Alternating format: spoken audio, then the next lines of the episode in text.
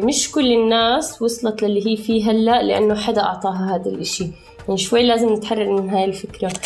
وبحس قد إيه الواحد بتكون شخصيته يعني لسه ما تشكلت إذا ما سافر. أنا نفسي أشارك في مغامراتك بس ما بقدر لأنها مختلطة أو لأنه أنا ما بحب الاختلاط أو لأنه زوجي ما بخليني sorry to mention بس موضوع استخدام الحمام بالطبيعة كمان هذا موجود دائما في كل رحلة من رحلنا. فأنا مش كتير بحاول بحب أحكي في هذا الموضوع أو يمكن عمري ما حكيت فيه آه، من بداية آه، من وقت ما آه، شلحت الحجاب. لكن بما إنه يعني لازم كل بنت تتجرب السفر عشان تقرب لحالها أكتر وصلت فيها صارت خلال المغامرة عم بتسب علينا وبتشتم و... لما نحكي عن هذا النوع من التجارب اللي فيها كتير بهدلة يعني أنا بسميها إيه، الشخص اللي جاهز إنه يتبهدل ما بيحتاج أسيل. رديت عليها قالت لي أسيل أخيرا حنجيبك على فلسطين. أقول لها شو؟ صرت أعيط وتركت الخيل وتركت الدنيا. وأحاول أستوعب اللي عم تحكي لي إياه. مرحبا أنا أسيل عواد مغامرة وحكون معكم في الحلقة الجاي من تقارب. حلقتنا لهالمرة حيكون فيها كتير أشياء آه، لأول مرة بشاركها مع الجمهور فاسمعوها ولعل وعسى تكون مصدر إلهام للكثيرين.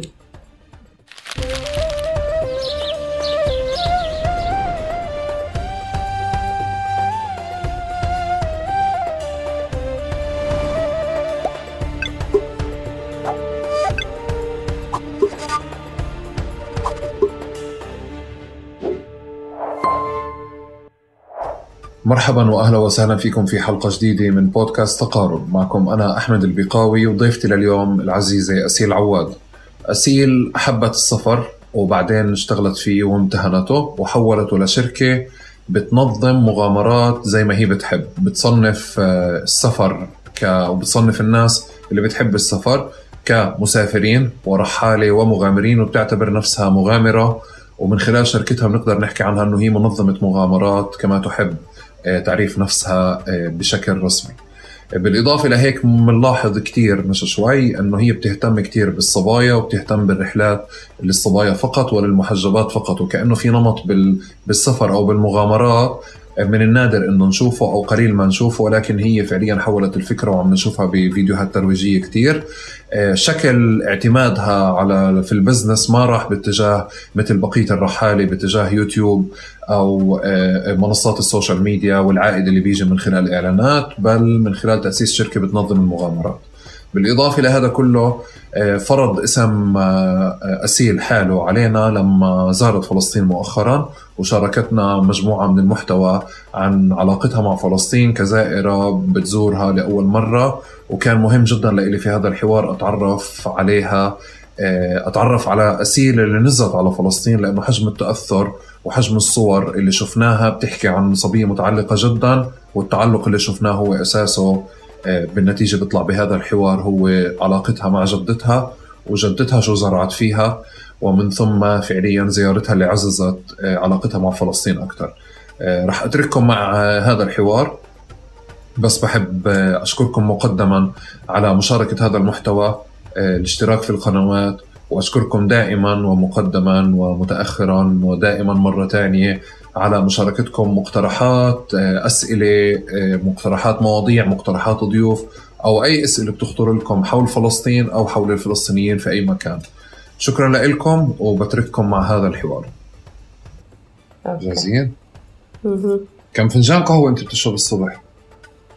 ما بشرب والله ما أحب القهوة. آه قديش باخذك وقت فعليا ل لا قديش باخذك وقت لتعملي أول نشاط بعد الصحوة. على السريع. عشان هيك ما بشرب قهوة. بحس القهوة ليميتيشن إنه لا لازم أشرب قهوة بعدين أنطلق. بس في كتير مرات آه، بتكون القهوة في, في حياتي أنا القهوة بتكون عملها إذا obstacle آه، في الطبيعة في wherever في ال guest houses ف خلص بستغني عن الفكرة من الأساس. بس ما بتشربي ابدا ولا ما بتفضلي وما بتشربي قهوة الصبح؟ يعني من هون إجت الفكرة فبطلت أشربها أصلا. مش كتير بحبها anyways. آه okay. طيب أسيل أنا آه، بس آه، مجبور أنوه أنه آه، الحوار مسجل بالكامل من من من قبل هذه اللحظة بشوي لآخره. بالعادة إحنا نعملش مونتاج. أنا حدا بزن على أسئلة كثيرة عشان أخذ إجابات بحب التفاصيل كثيرة ف كوني مرتاحة بإنك ترفضي أي سؤال وأنا عشان أكون مرتاح إني أضل أزن على أي سؤال وهيك العلاقة بتكون والتقارب بكون عظيم. تمام؟ تمام جاهزين أكيد. أنا بالعادة بترك الضيف يعرف نفسه زي ما هو بحب مش زي ما موجود على جوجل وهذا أول تحدي. فتخيلي آه، تمام معكم أسيل عواد. أنا متسلقة جبال ومغامرة. بحب كتير يعني منطقة راحتي هي الأوت بشكل عام من غوص من تسلق من ركوب خيل. يعني كل الأنشطة ال extreme هاي الأنشطة اللي بتخلي أسيل هي أسيل. آه، ومؤسسة شركة أسيل Adventures آه، وهي شركة مغامرات based in دبي نعمل على إنه نسمح لكل حدا يجرب ال outdoor life سواء في الإمارات أو حول العالم. فهي هي أسيل. هذا هذا هذا ال brief أو المختصر اللي قراتيه عن جوجل فالتحدي فعليا بتعريف نفسك بتفاصيل كتير أكتر وبشكل كتير شخصي بعيدا عن عن الشيء المهني اللي موجود على جوجل ومحركات البحث واللي تعودت تعرفي حالك فيه. و tone الصوت حتى رح تلاقي حالك اختلفتي عن لأنه هيك ال format بكون تبع المقابلات تبعك. اليوم مرحبا أنا أسيل عواد عملت كذا كذا كذا بس نسيتي جزئية. أسست أسيل Adventure بسنة 2018 ومن وقتها عم بعمل كذا كذا كذا. فلا تعالي نرجع من الصفر من ولادة أسيل يلا. جاهزين أكيد. um, so خليني أتذكر طيب. uh, okay I would say إنه أنا بنت انولدت في الأردن عشت ظروف كتير صعبة في حياتي. I had very tough childhood طفولتي كانت صعبة. uh, ومن هون دايما كنت أكبر وأنا عم بحضر الرسوم وبحلم أكون زي بعض ال characters اللي فيهم من مثل ساندي بيل آه سالي وهدول الأشياء اللي كنا نحضرهم بالطفولة. فهدول كانوا مصدر الإلهام لإلي وكنت دايما أآمن إنه التغيير يعني ما أعرف من إجاني هذا الإيمان من أنا صغيرة بس كنت بآمن إنه التغيير لازم يبدأ من الواحد من جوا من خلال أفعاله ومن خلال شو بيقدم لهذا الكوكب وشو بيشت وقد بيشتغل على حاله. فمن هون بديت أشتغل على حالي من وأنا صغيرة. كنت دايما من الأوائل على الصف ودايما حلمي إنه أطلع بنت ناجحة أكون إلي تغيير في المجتمع وأقدر أغير حتى الحياة اللي أنا عايشاها. وفعلا وصلت التوجيهي كان معدلي واحد وتسعين فقررت أدرس هندسة عشان كنت مفكرة إنه الهندسة أفظع إشي. حقدر أشتغل الشغل الرهيب اللي يعيشني الحياة الرهيبة. ففعلا درست هندسة خمس سنين بالأردن وخلال هدول الخمس سنين بديت آه، أتطوع في مؤسسات international زي ال UN وغيرها حول العالم وصرت أخذ منح لحتى إما أمثل الأردن في المؤتمرات والأشياء هاي أو آه، إنه أقدم تطوعات برضو في أوروبا وبعض الأماكن. خلال هاي الرحلة في الجامعة لفيت تقريبا عشرين بلد وتعلمت كتير كتير كتير من السفر. هون بلشت أستكشف حالي وأعرف مين أسيل وشو الإشي اللي أسيل منيحة فيه.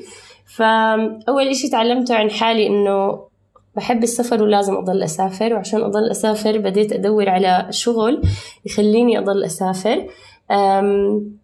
فخلال عملية البحث لقيت منحة في تركيا درست تصميم أزياء بعد هندسة الحاسوب في تركيا.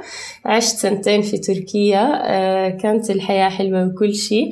بس ما صح لي فرصة أني أشتغل بتصميم الأزياء. اشتغلت في هندسة الحاسوب وكان شوي صعب الموضوع فقررت أدور على فرصة تانية تسمح لي أسافر بشكل أكبر. فبحثت بحثت لقيت فرصة آه، تدريس في الإمارات. فانتقلت لدبي كمعلمة ماث. كان أصعب شغل اشتغلته في حياتي.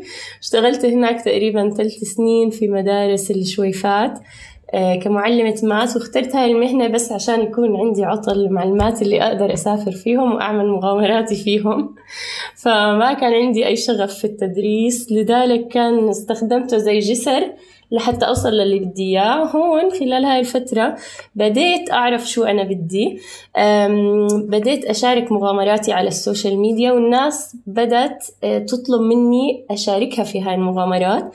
فهون إجت فكرة إنه أطلع أول رحلة hiking في الإمارات بال 2018 آه، ولما أعلنت عن الرحلة سجل فيها أكثر من 80 شخص من أول مرة. وكان group كتير كبير فمن هون بلشت يعني تبين معالم أسيل Adventures فصرت أعمل رحلات بشكل أسبوعي في الإمارات آه، رحلات hiking رحلات تخييم. آه، وكان إشي جديد على المجتمع في الإمارات مع إني كنت جديدة لسه ما صار لي سنة في البلد. بس كان إشي جديد على الناس اللي عايشة هون لأنه متعودين على ال city life ودبي مول وبرج خليفة مش متعودين إنه الإمارات فيها hiking فيها مغامرات فيها جبال.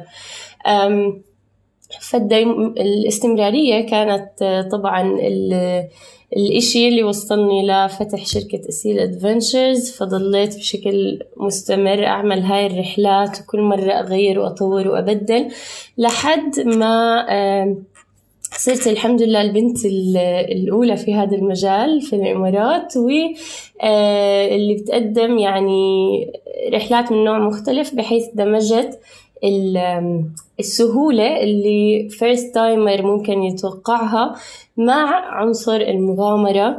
اللي آه، برضه مش سهل إنه الواحد يعرفها لحاله بدون ما يتعرف عليها من خلال شخص مر بهاي المغامرات من قبل.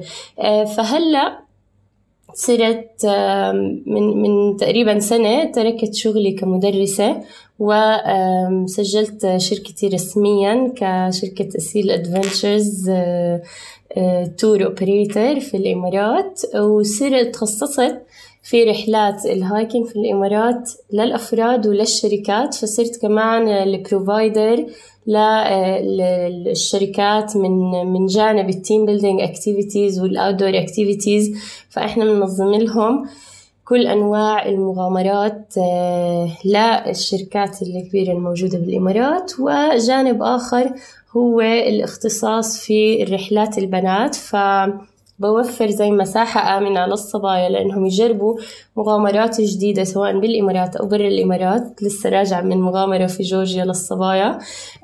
بحيث أحاول يعني أوفر كل التسهيلات اللي البنت ممكن آه، تحتاجها لحتى تخوض هيك تجربة من خلال وجودي معهم أيضا.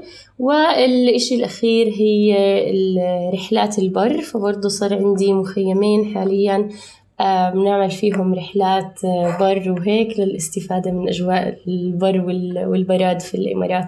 فهاي أسيل وهذا بريف عن شو بعمل حاليا. أه وبشتغل شوي على السوشيال ميديا بحاول أوصل المغامرات اللي بعملها أوجهها للناس بحيث أكون مصدر إلهام للصبايا خصوصا اللي بفكروا إنه أنا ما بقدر وما بعرف و... والعالم آه، هاضم حقوق البنت. يعني بحاول أورجيهم إنه لا البنت اللي بدها حقوقها بتقدر تاخدها. بالعكس ممكن يكون إلها فرص.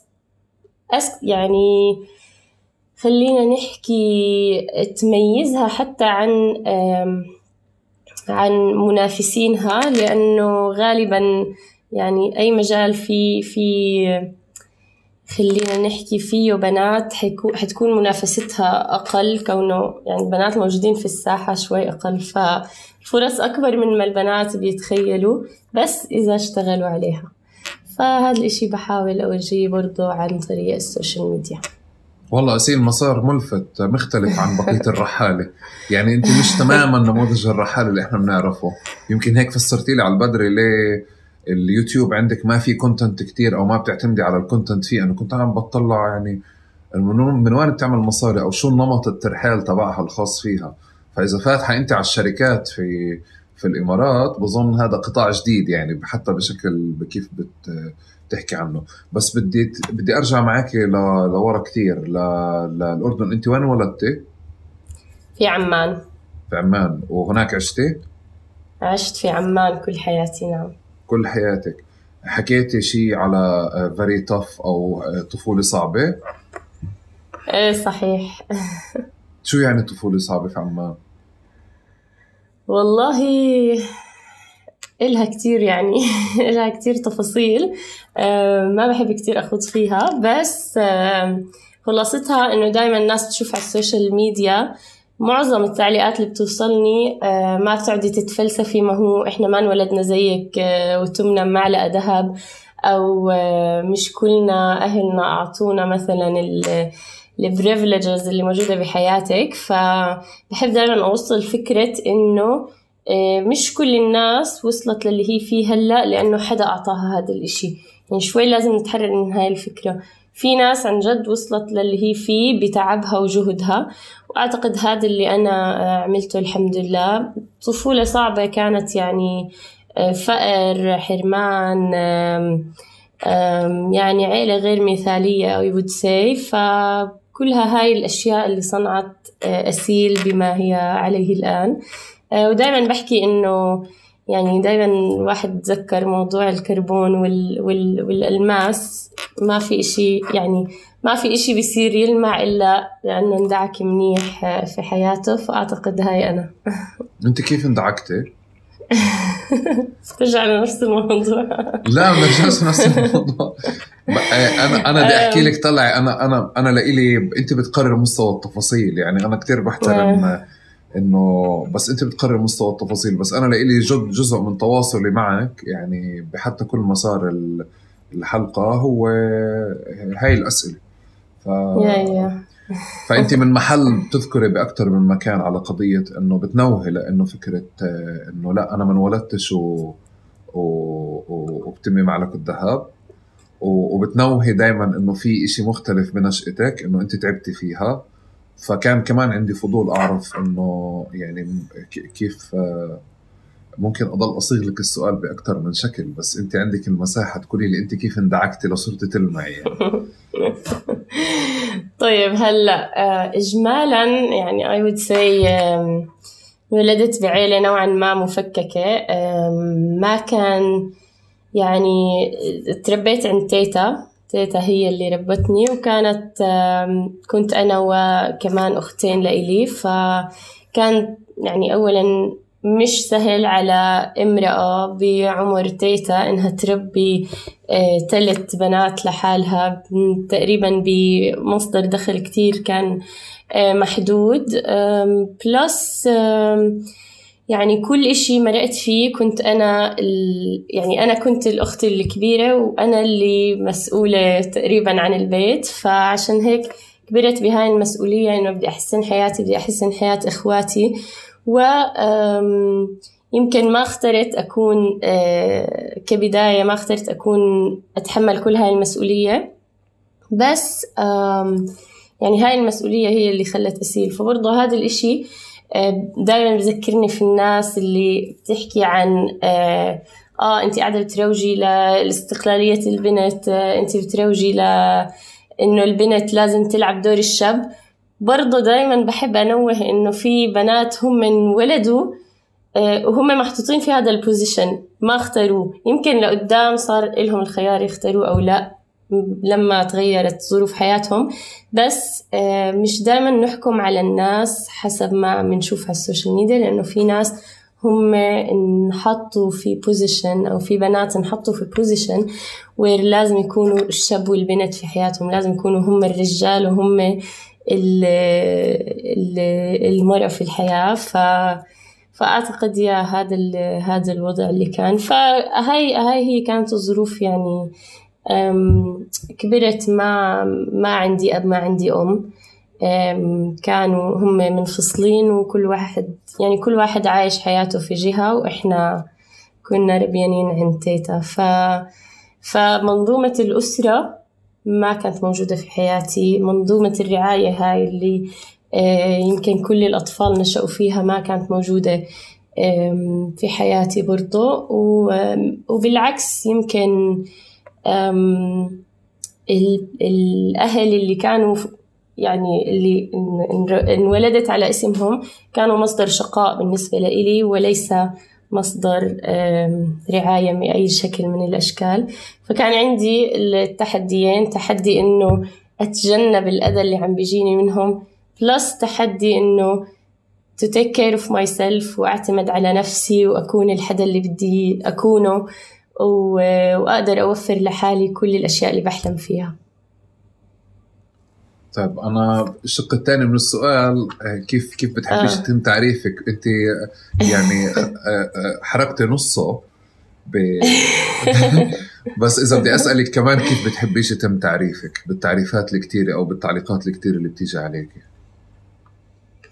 أم ما بحب حدا يحطني تحت أي title ما بحب حدا يناديني influencer صحيح إنه I do believe إنه إلي أثر في الناس بس هلأ شوي صارت كلمة influencer يعني آه، فبحس حالي مش influencer إن وإنما أنا وحدة بتشارك عن حياتها الحقيقية زي ما هي بدون فلاتر. عشان هيك يمكن ما تلاقي لي content على اليوتيوب لأنه content اليوتيوب بده editing وبده تظبيط وبده تعديل.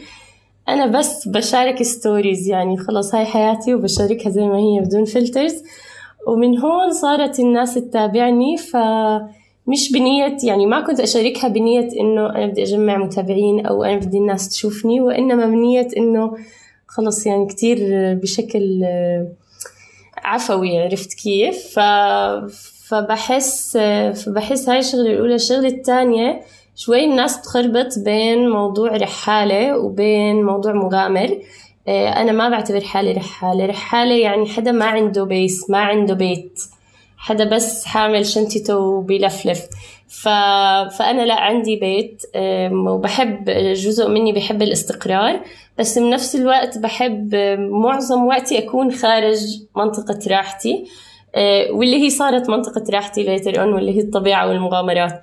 فبحب يكون عندي جزء هيك مستقر بينما بنفس الوقت يكون عندي ال space والحرية لأنه أجرب أشياء جديدة وأغامر في أماكن جديدة. فممكن أسمي حالي مغامرة yes بنفع لأنه آه، المغامر برضه هو الشخص اللي بيجرب أشياء جديدة آه، بيستكشف آه، بيعمل أشياء extreme مرات plus عندي هوايات من شتى بقاع المغامرات فبنحكي عن ال diving عن horse riding عن عن camping عن climbing عن hiking كلها هاي أشياء تندرج تحت مظلة مغامر أكثر من ما إنها رحال لأنه الرحال يمكن يكون مثلا بتنقل بين مدن مش شرط يكون بيعمل مغامرات آه، في الطبيعة خلينا نحكي.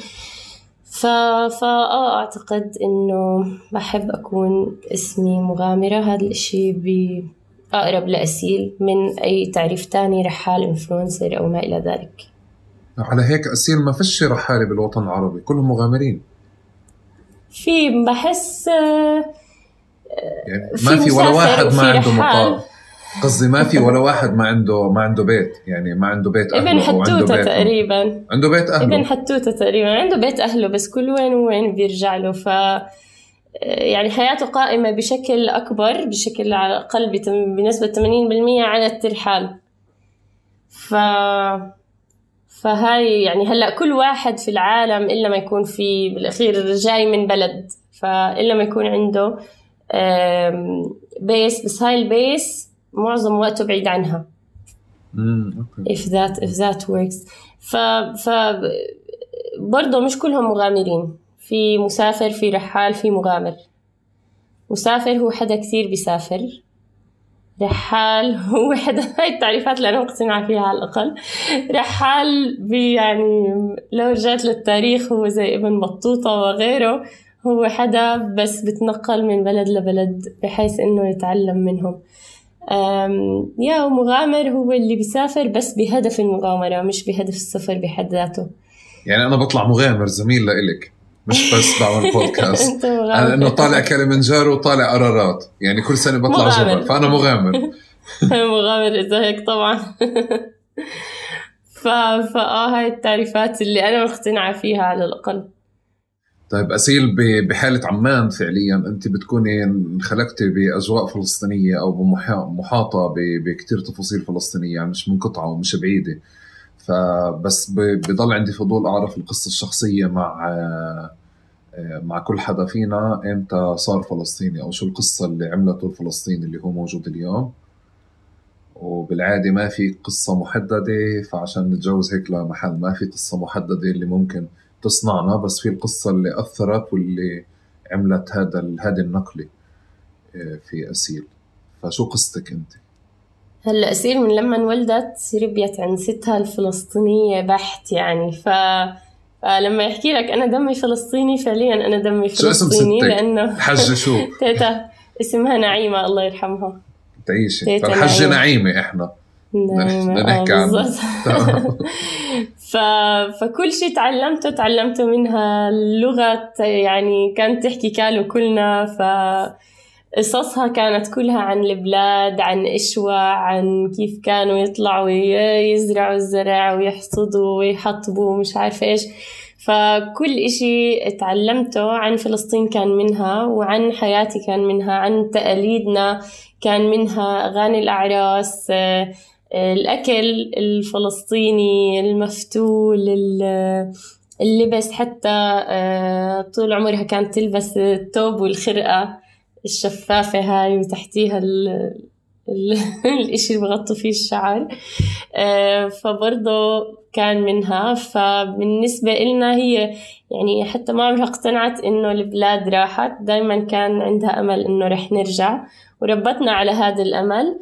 بالتالي طول عمرنا كنا نحس حالنا ضيوف بالأردن. مش مش يعني صحيح الأردن رحبت فينا وجوازنا أردني وكل إشي بس بعتبرها خيانة إنه الواحد ينسى آه، بلده أو يقتنع إنه خلص انطرد من بلده للأبد. لا إحنا طلعنا ل يعني ربتنا على فكرة إنه إحنا طلعنا إلى أجل آه، غير مسمى مبدئيا بس رح نرجع يوما ما. ف... فطول عمرنا يعني كانت تعرف عنا إننا فلسطينيين تعرف عنا من عنا عن على إنه من من إحنا شوعانية من قرية إشوع. وعلى إنه يوما ما إن شاء الله رح نرجع. قصتك مثل قصة كل الفلسطينيين كله ضيوف تقارب. دائما في عندهم مسار آه، اللي بيعتبروه أنه هو مسار طويل بس أنا بجرب دائما آه، يعني أدور على الحدث أو حدث مركزي بحياة كل حدا فينا بنشأته من أقرب للطفولة يمكن أول حدث اللي اللي عمل الفلسطينية أو حولها لشكل بتجاوز الرومانسيات والرمزيات.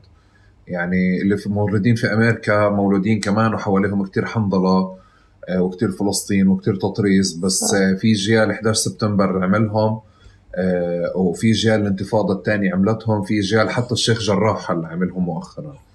ف تعال نجرب أنا وانت نستذكر إيش الصورة أو القصة اللي هزتك و... وعملت عملت لك الربط مع فلسطين أو حولته لشكل بتجاوز الرومانسية؟ قصص يمكن قصص تيتا عن التغريبة كيف طلعوا. في قصة دائما ما بنساها عن عن كيف أول إشي طلعوا حكوا لهم اطلعوا يا جماعة على المخيم مخيم قلنديا أول مرة. آه، وبس آه، يتهدى الأمور. رح نرجعكم على آه، على قريتكم. طلعوا مخيم قلنديا ومنها برضو إجوا حكوا لهم اطلعوا على الحدود مع الأردن عشان تكونوا في أمان. وبعدين رح نرجعكم. رجعوا نزحوا المرة الثانية على على الأغوار. وهون ما ما بنسى قصصها عن الناس اللي انولدت على الطريق بدون أكل بدون شرب. ودائما كانت تحكي لي عن قصة لما كانوا يشربوا بول الإبل من العطش لأنه الطريق كانت حر وما في أي مصدر لا للمي ولا للأكل ولا للشرب. ففعليا كانوا يضطروا يشربوا أي إشي قدامهم. فهذا الإشي ما بينتسى وحيضل دايما محفور فيا. ودايما آه، يذكرنا في إنه هاي أرضنا اللي انطردنا منها ومش آه، ويعني وشو وشو شو قد ما بعدنا حتضل قلوبنا هناك وحيضل فكرنا هناك وحنضل اسمنا فلسطينيين. فكل هذا القهر والظلم والوجع اللي مرت فيه تيتا دايما بتذكره زي كأنه حكت لي إياه امبارح ودائما بيكون هيك مصدر قهر ورغبة في العودة بنتمنى يكون قريب إن شاء الله أنت ما صار ما صار عندك مثلا أحداث هذه رواية ستك اللي هي نقلت لك إياها بس مثلا خلال فترة نشأتك ما صار في حدث آه، بفلسطين أو خبر أو قصة مع حدا بعني لك آه، اللي تركت جواك كمان آه، أثر مثل ما في قصة عند ستك تركت جواها أثر؟ هلا أكيد طول يعني طول طفولتنا وإحنا متابعين الأحداث بفلسطين و وكلها كانت دائما مصدر للقهر والرغبة في العودة يعني سواء آه، سواء الانتفاضة والانتفاضة وغيرها. يعني هيك كلها هاي بتولع هاي النار تبع إنه بدنا نرجع. وطبعا رجعتي على فلسطين أو زيارتي لفلسطين آه، هاي السنة كان إلها أثر يعني كتير كتير أكبر من ما كنت بتخيل. آه، مش بس علي حتى على الناس اللي كانت بتتابعني. آه، لأنه كانت هيك مليئة بالمشاعر. حتى كل ما أتذكرها يعني ما بقدر أنسى التجربة اللي, اللي عشتها هناك واللي آه، كانت مؤلمة لأنه دخلت الجانبين أنا دخلت الجانب المحتل وغير المحتل. وشفت الفروقات في التعامل شفت ال شفت قد إيه هم مصدقين حالهم إنه هم في بلدهم وقد إيه كان الموضوع بقهر وجد لما رجعت من هاي الرحلة يمكن قعدت شهرين خلص وقفت كل الرحلات اللي بعملها وقفت كل إشي. وكنت بس هيك قاعدة في البيت بحاول أستوعب اللي صار. لأنه جد هاي الرحلة غيرت فيها كتير ووجعتني كتير. بالإضافة لأنها فرحتني كتير برضو لأنه أكيد I got the chance to see my country و to visit و... ورحت على البلاد وكل هاي الأمور بس يعني كل هاي المشاعر الحلوة مجبولة بالقهر والغل وال وال يعني وفكرة إنه للأسف آه، الموضوع كتير أكثر تعقيدا وصعوبة ومن ما يعني الواحد كان بيأمل إنه يكون.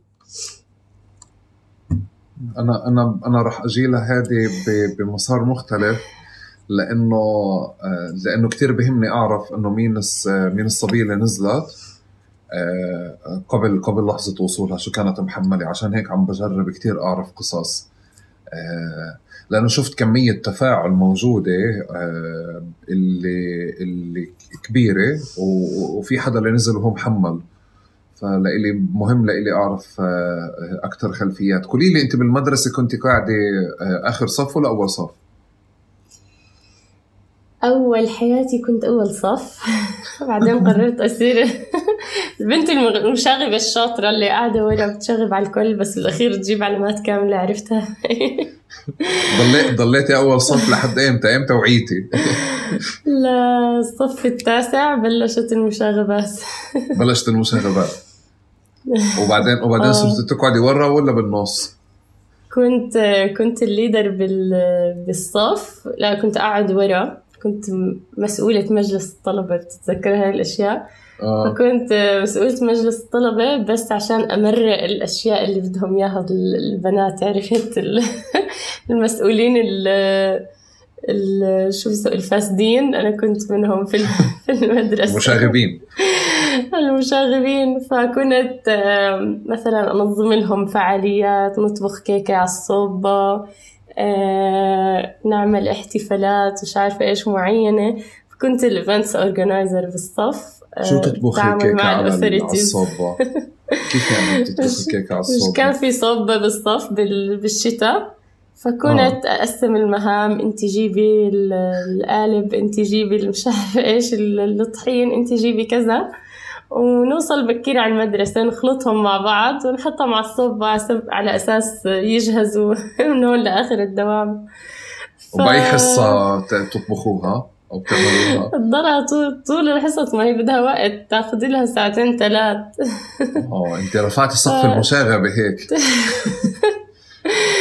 آه فكنا نتفق مع بعض بحيث إنه ما حدا يكون مسؤول إذا إجت المس بنوقف كلنا مع بعض ففعلا تيجي المس مين اللي عملت هيك نوقف كلنا مع بعض و أنت كنت يعني مشاغبة رقم واحد بالصف؟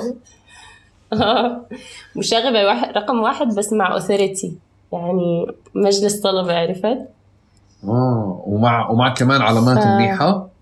آه مع علامات منيحة فأنت اللي يعني آه آه آه أوكي. ف آه يعني كنت هيك آه آه كيف بيحكوها؟ يعني I got the best out of school life.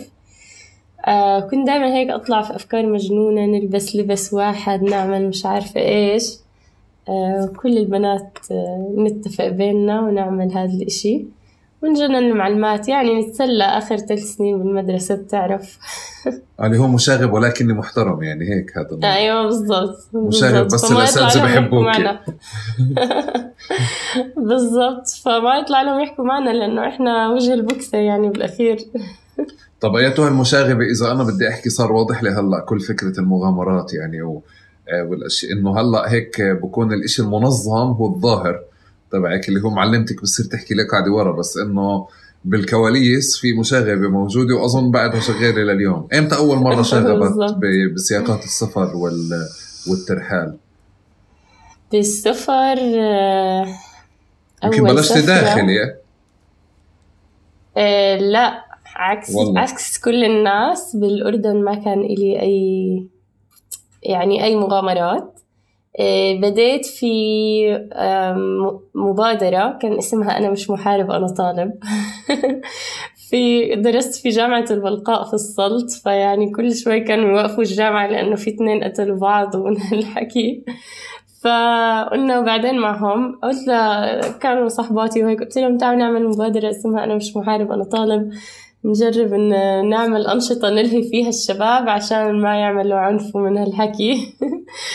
ففعلا هيك بلشت. آه، ما كانت مغامرات قد ما هي كانت إنه يعني فعاليات نحاول نحل فيها المشاكل اللي عم بتصير. آه، فتبنتنا إدارة الجامعة وبلشنا نعمل هاي الأنشطة ونعمل فعاليات بالجامعة بحيث يستغلوا فيها وقت فراغهم بشكل منيح آه، بدل ما إنهم يضلهم دقين في بعض. فبعدين الملك عبد الله تبنى هاي المبادرة. وأعطانا منحة وعملنا برضو يعني وسعنا المبادرة صرنا في أكثر من عشر جامعات في الأردن. بعدين بلشت سفر فبطل كتير عندي وقت للمبادرة. ومن هون بلشت مغامراتي. في أول مغامرة كانت في في رومانيا مع منحة من إيرازموس بلس إذا حدا سمع فيها اللي هي آه، منحة بيعطوها من الاتحاد الأوروبي لشباب آه، في الوطن العربي لحتى يجربوا حياة أوروبا مقابل إنهم يتطوعوا آه، أو يعملوا إشي آه، في في يعني في ال ال في أوروبا. لحظة شوي. ضمن الجرس ما فيك تفتحي طبعا طبعا. ماشي شوفي مين. شوفي. دقيقة I think العمال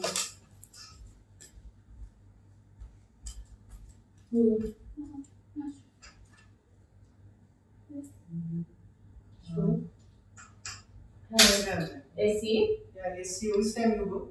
Outside? You go outside today? No. No.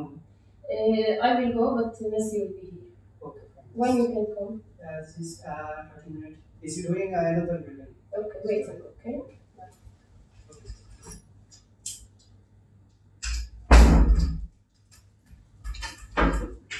ادخلي جوا بس.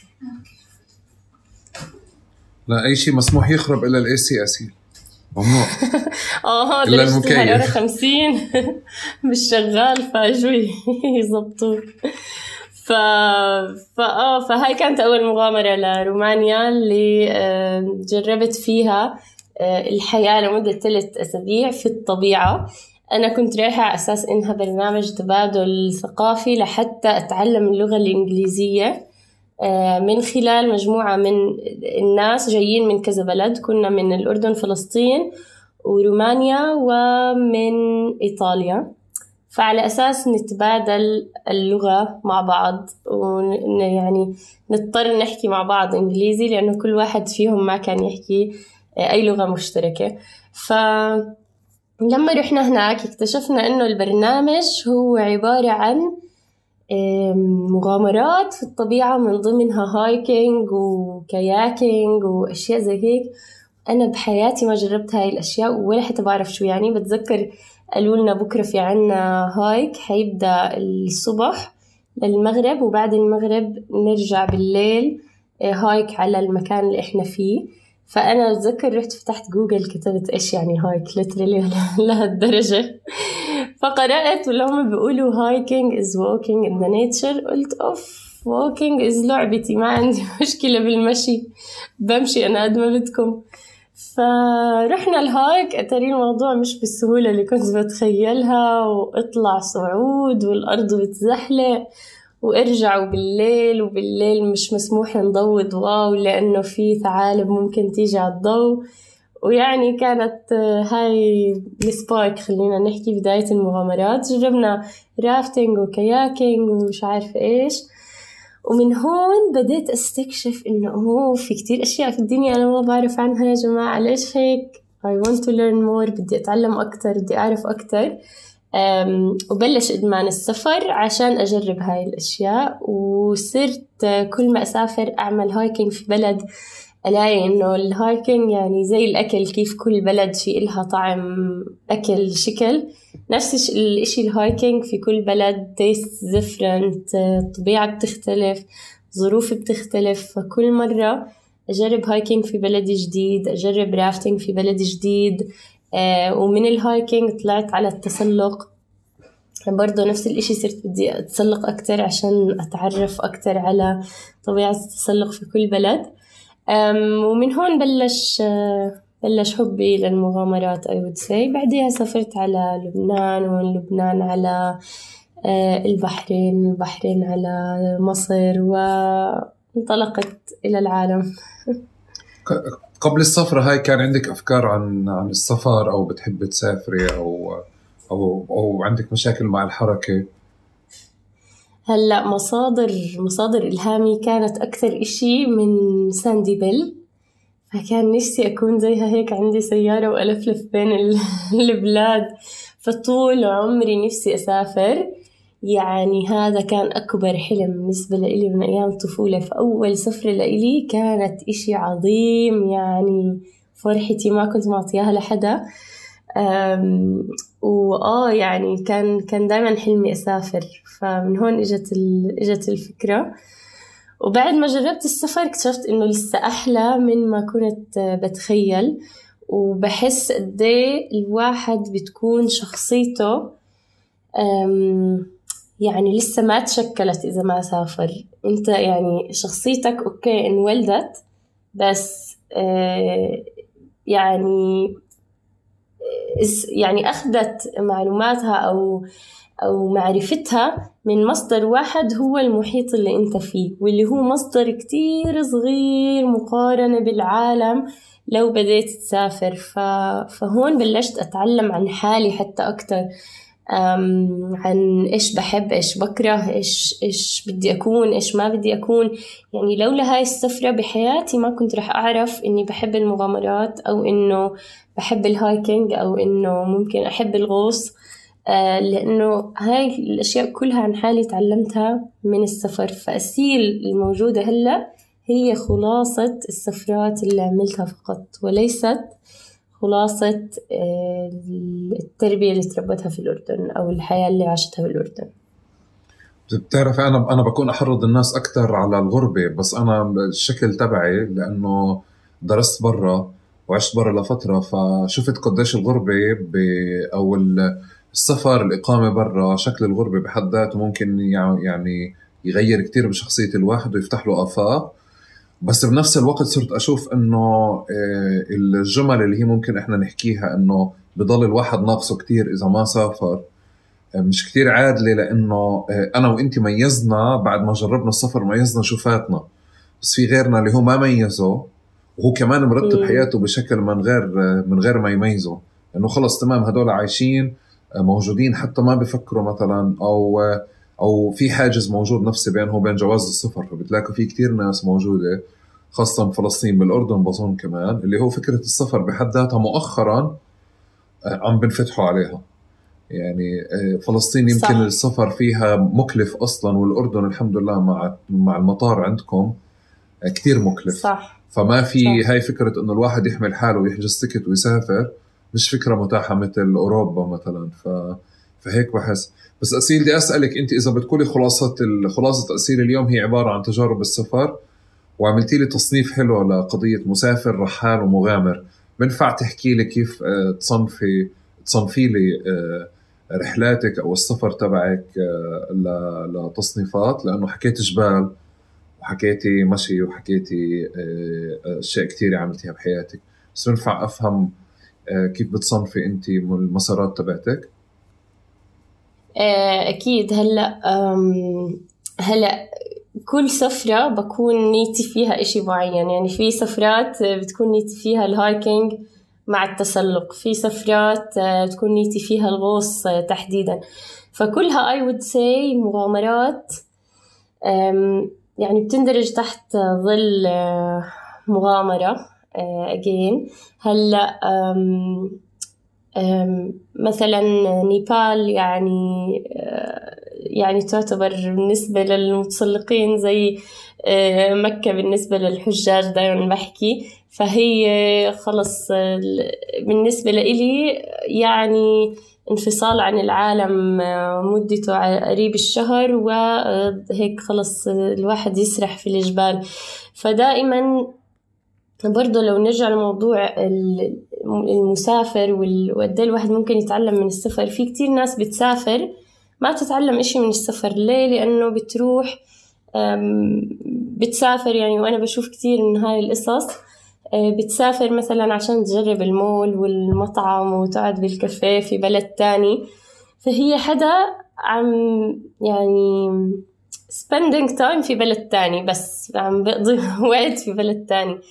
لكن عشان الواحد يجرب أو يخلي من عملية السفر تبعه learning experience أو عملية تعليمية لازم أول إشي يسمح لحاله إنه يجرب أشياء جديدة. تاني إشي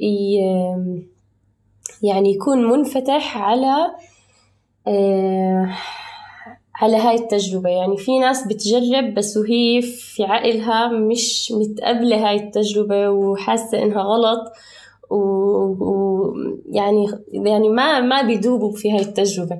فلا لازم إنه الواحد هيك خلص يفتح عقله يجرب يستوعب ال ال ال الاختلافات اللي بشوفها في هاي البلد بعدين يحللها عشان يتعلم منها.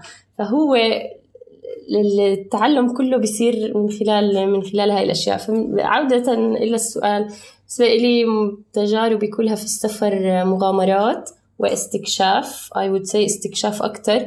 كمان لأنه لما بديت أسافر لحالي أز, أسيل كنت أسافر بحيث إنه خلص أنا عندي دائما حياتي busy لأنه عندي دوامي الكامل وعندي مغامراتي اللي بعملها مثلا للتطوع فجدولي دائما full فما عندي وقت أخطط لسفري. فاللي كنت أعمله إنه أفتح على Passport Index أشوف إيش الدول الباقية اللي بقدر أسافرها بدون آه، فيزا عند حرفيا هيك كنت أختار البلد اللي بدي أروح عليه. آه، ألاقي مثلا آه، سريلانكا okay خلص أروح آه، أو مثلا فيزا سهلة أروح احجز لها بيوم وليلة بدون أي تخطيط أوصل المطار وأنا حتى أوتيل مش حاجزة وخلص أروح مع التيار. آه هناك مثلا أقابل ال locals أسأله إيش تنصحني أعمل؟ آه يحكي لي والله روح على المكان الفلاني okay يعني خلص بالنسبة لي ال local بيعرف.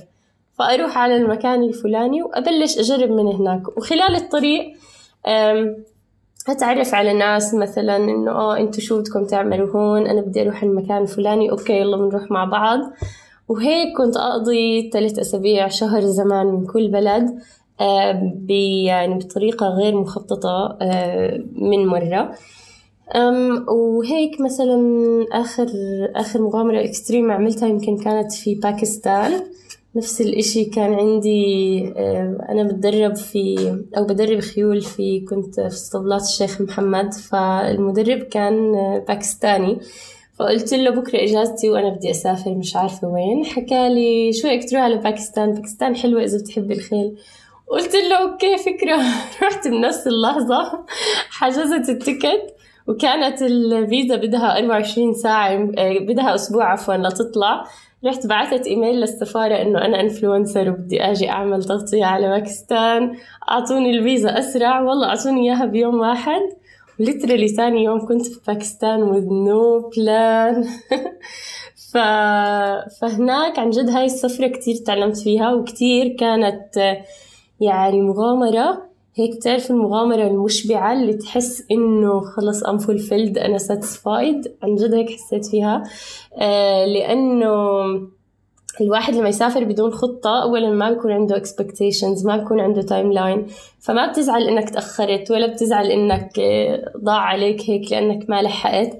الواحد بيكون منفتح لتجربة أي إشي جديد. وهناك آه، تواصلت مثلا مع influencer باكستاني قلت له أنا جاية على باكستان. فقال لي آه تعالي إحنا بنلفلفك. ومن هون صار إجت شركة سياحية لفلفتني في باكستان وركبت خيل وعملوا مسابقة عشاني. كان يعني كمية أشياء لو خططها من قبل مستحيل تكون بهاي المثالية.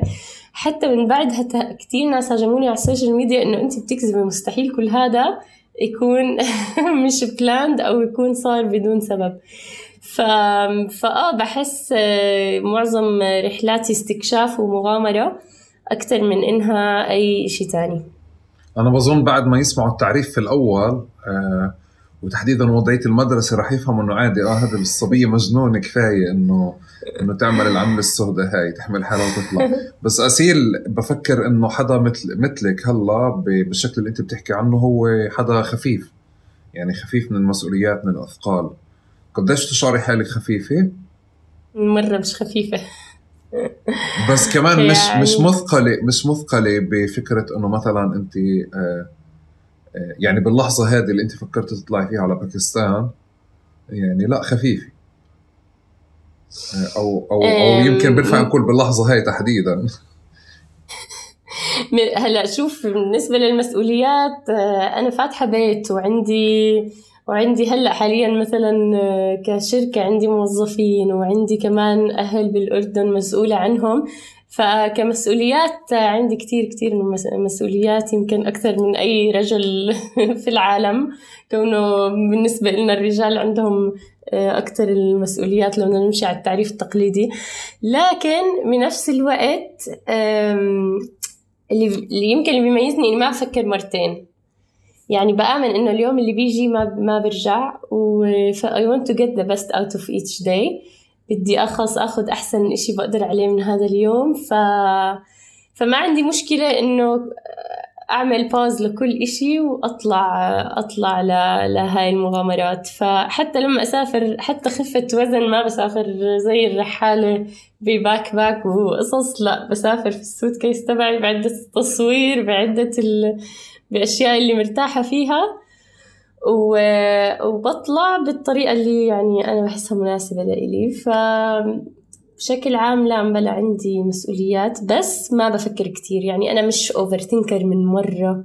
يمكن مرات حتى ما بفكر إنه خلص بدي أعمل هذا الإشي هلأ يعني بدي أعمله هلأ لو انطبقت السما على الأرض. ولو شو ما كان الموضوع فيه له خسائر. ولو مين ما قال لي إنه آه لأ أسير ما تعملي. فاي ثينك هذا المندفعه يمكن الكلمة آه. طب خليني خليني أرجع أصيغ السؤال بشكل ثاني إنه آه أكيد في مسؤوليات آه عندك واضح لي من من من بداية الحوار صرت صرت شايف أكثر وهلأ أنت أكدت عليه بس بقصد آه خفيفة من من من من التربيطات يعني فعليا مثلا ما عندك بكرة جامعة ما عندكش أو عندك الشغل تبعك بسمح لك إنك تسافري. فبلحظتها إذا بدي أصيغ الإشي بشكل تاني إنه بيومياتك أنت هلأ مصمم حياة اللي تخليكي تاخدي قرار وتطلع تسافري فيها. هيك مكيفة. بس بلحظتها لما أخذت القرار على مدار يوم لحد ما عملت الفيزا وحجزت تيكت الطيران إيه شو الترتيبات اللي عملتيها بيومياتك عشان تغيبي؟ قد غبت شهر؟ إيه، غبت ثلاث أسابيع بس كنت وقتها لازلت مدرسة والمدرسات كان عندهم تعرف آه، عطل. فكان وقت إجازتي. آه كان وقت الإجازة. فهلا صحيح آه، وصلت لهاي المرحلة إنه خلص أنا وقتي لإلي وأنا فري أعمل أي شيء بدي إياه في أي وقت. آه، وهاي طبعا نعمة كبيرة ال freedom of time و movement الحمد لله. بس آه، أكيد back then ما كانت عندي هاي الحرية لهالدرجة. كانت عندي الحرية بس وقت ال ال خلينا نحكي وقت الإجازات آه، واللي كمان ما كان ما كنت بقدر أتحكم فيها زي أي حدا بيقدر يقدم لإجازة في أي وقت بده إياه لأنه المدرسين خلص عندك هاي الإجازة ما بتقدر تاخذ غيرها.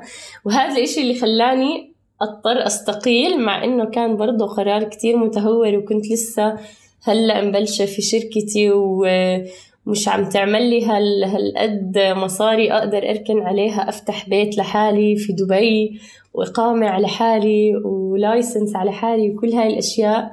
بس كنت دايما أحس إنه الشغل بالنسبة إلي limitation محدد وإنه في في أشياء بقدر أعملها كتير أكتر من هيك بس الشغل موقف في طريقي. ف...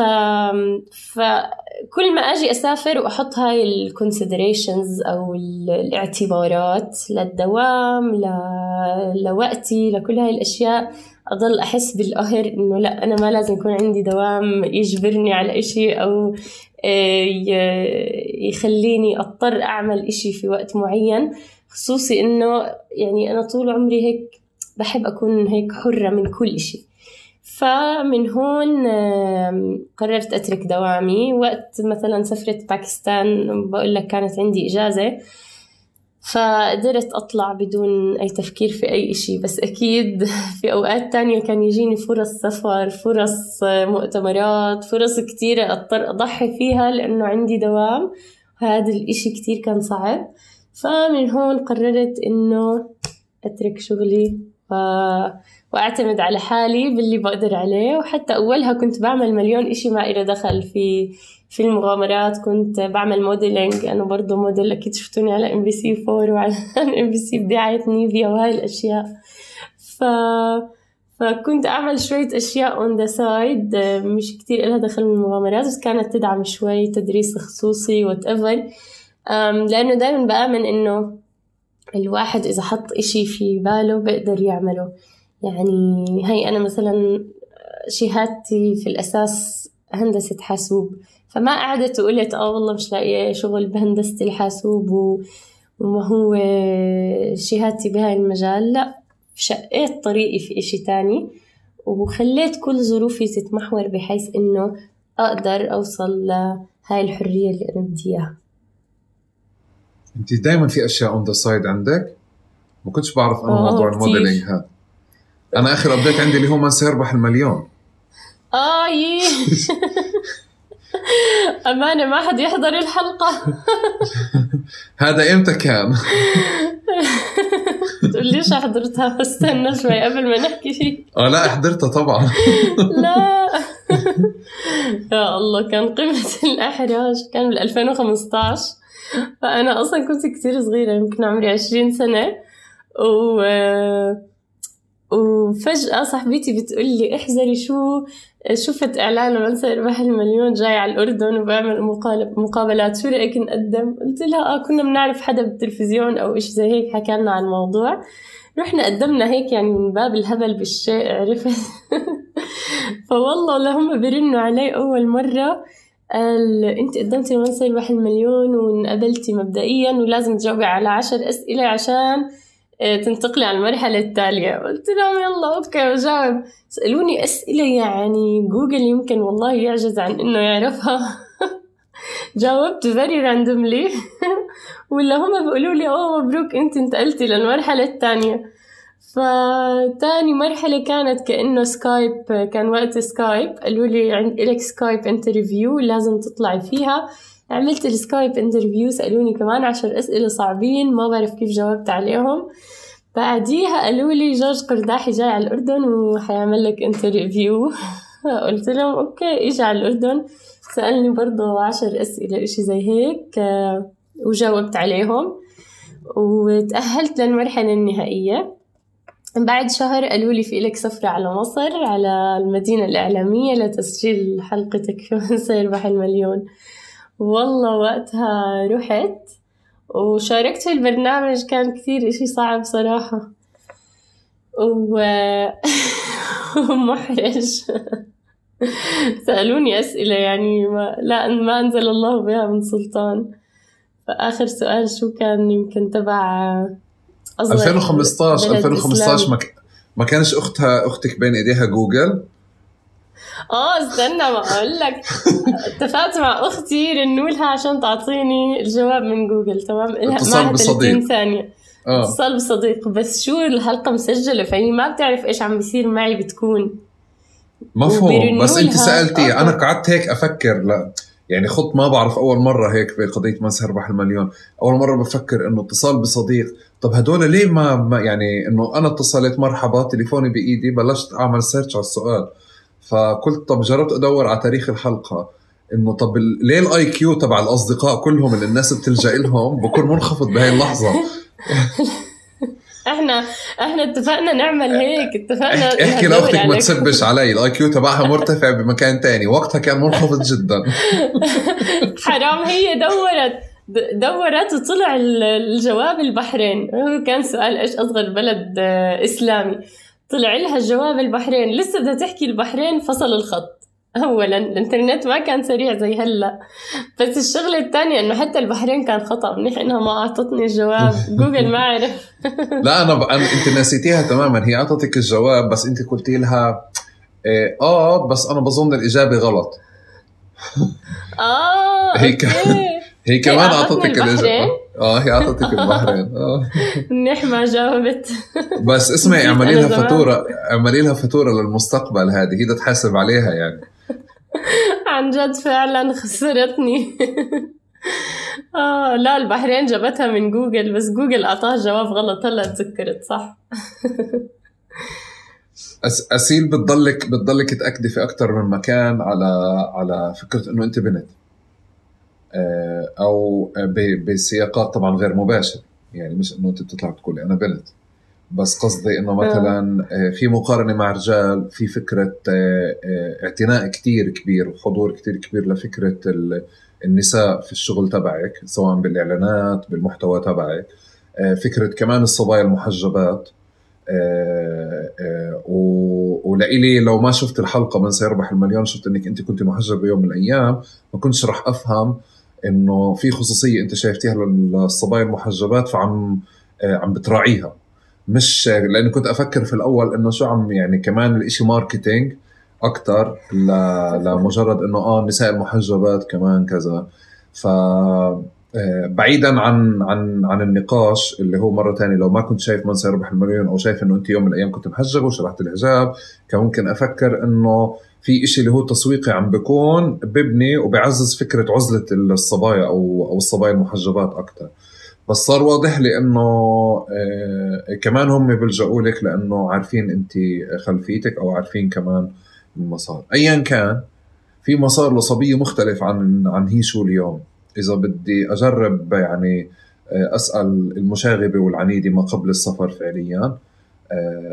ليه بتضل تأكد على فكرة إنه البنت آه، في خصوصيه للبنت أكثر وفي مسؤوليات موجودة عليها وهي عم بتجتهد مش في حدا عم برعاها آه، وكتير سياقات مثل هيك وبنفس الوقت بدي أعرف شو خصوصيه الصبايا بهذا السياق.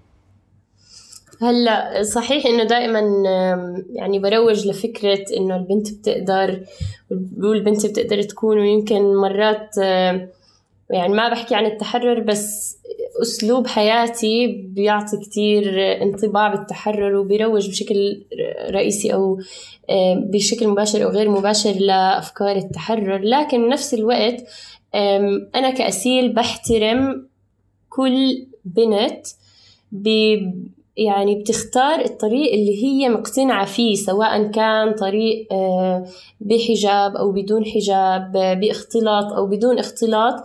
ما إلي أي يعني أي أي authority أو أي صلاحيات إنه أجي أغير في أي بنت أو أغير في قناعتها إذا هي مرتاحة في هاي القناعة. فلذلك خلال مغامراتي كتير صرت أتعرض لبنات يجوا يحكوا لي أنا نفسي أشارك في مغامراتك بس ما بقدر لأنها مختلطة أو لأنه أنا ما بحب الاختلاط أو لأنه زوجي ما بخليني أو أو أو.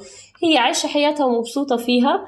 لكن حابة بنفس الوقت تجرب إشي جديد.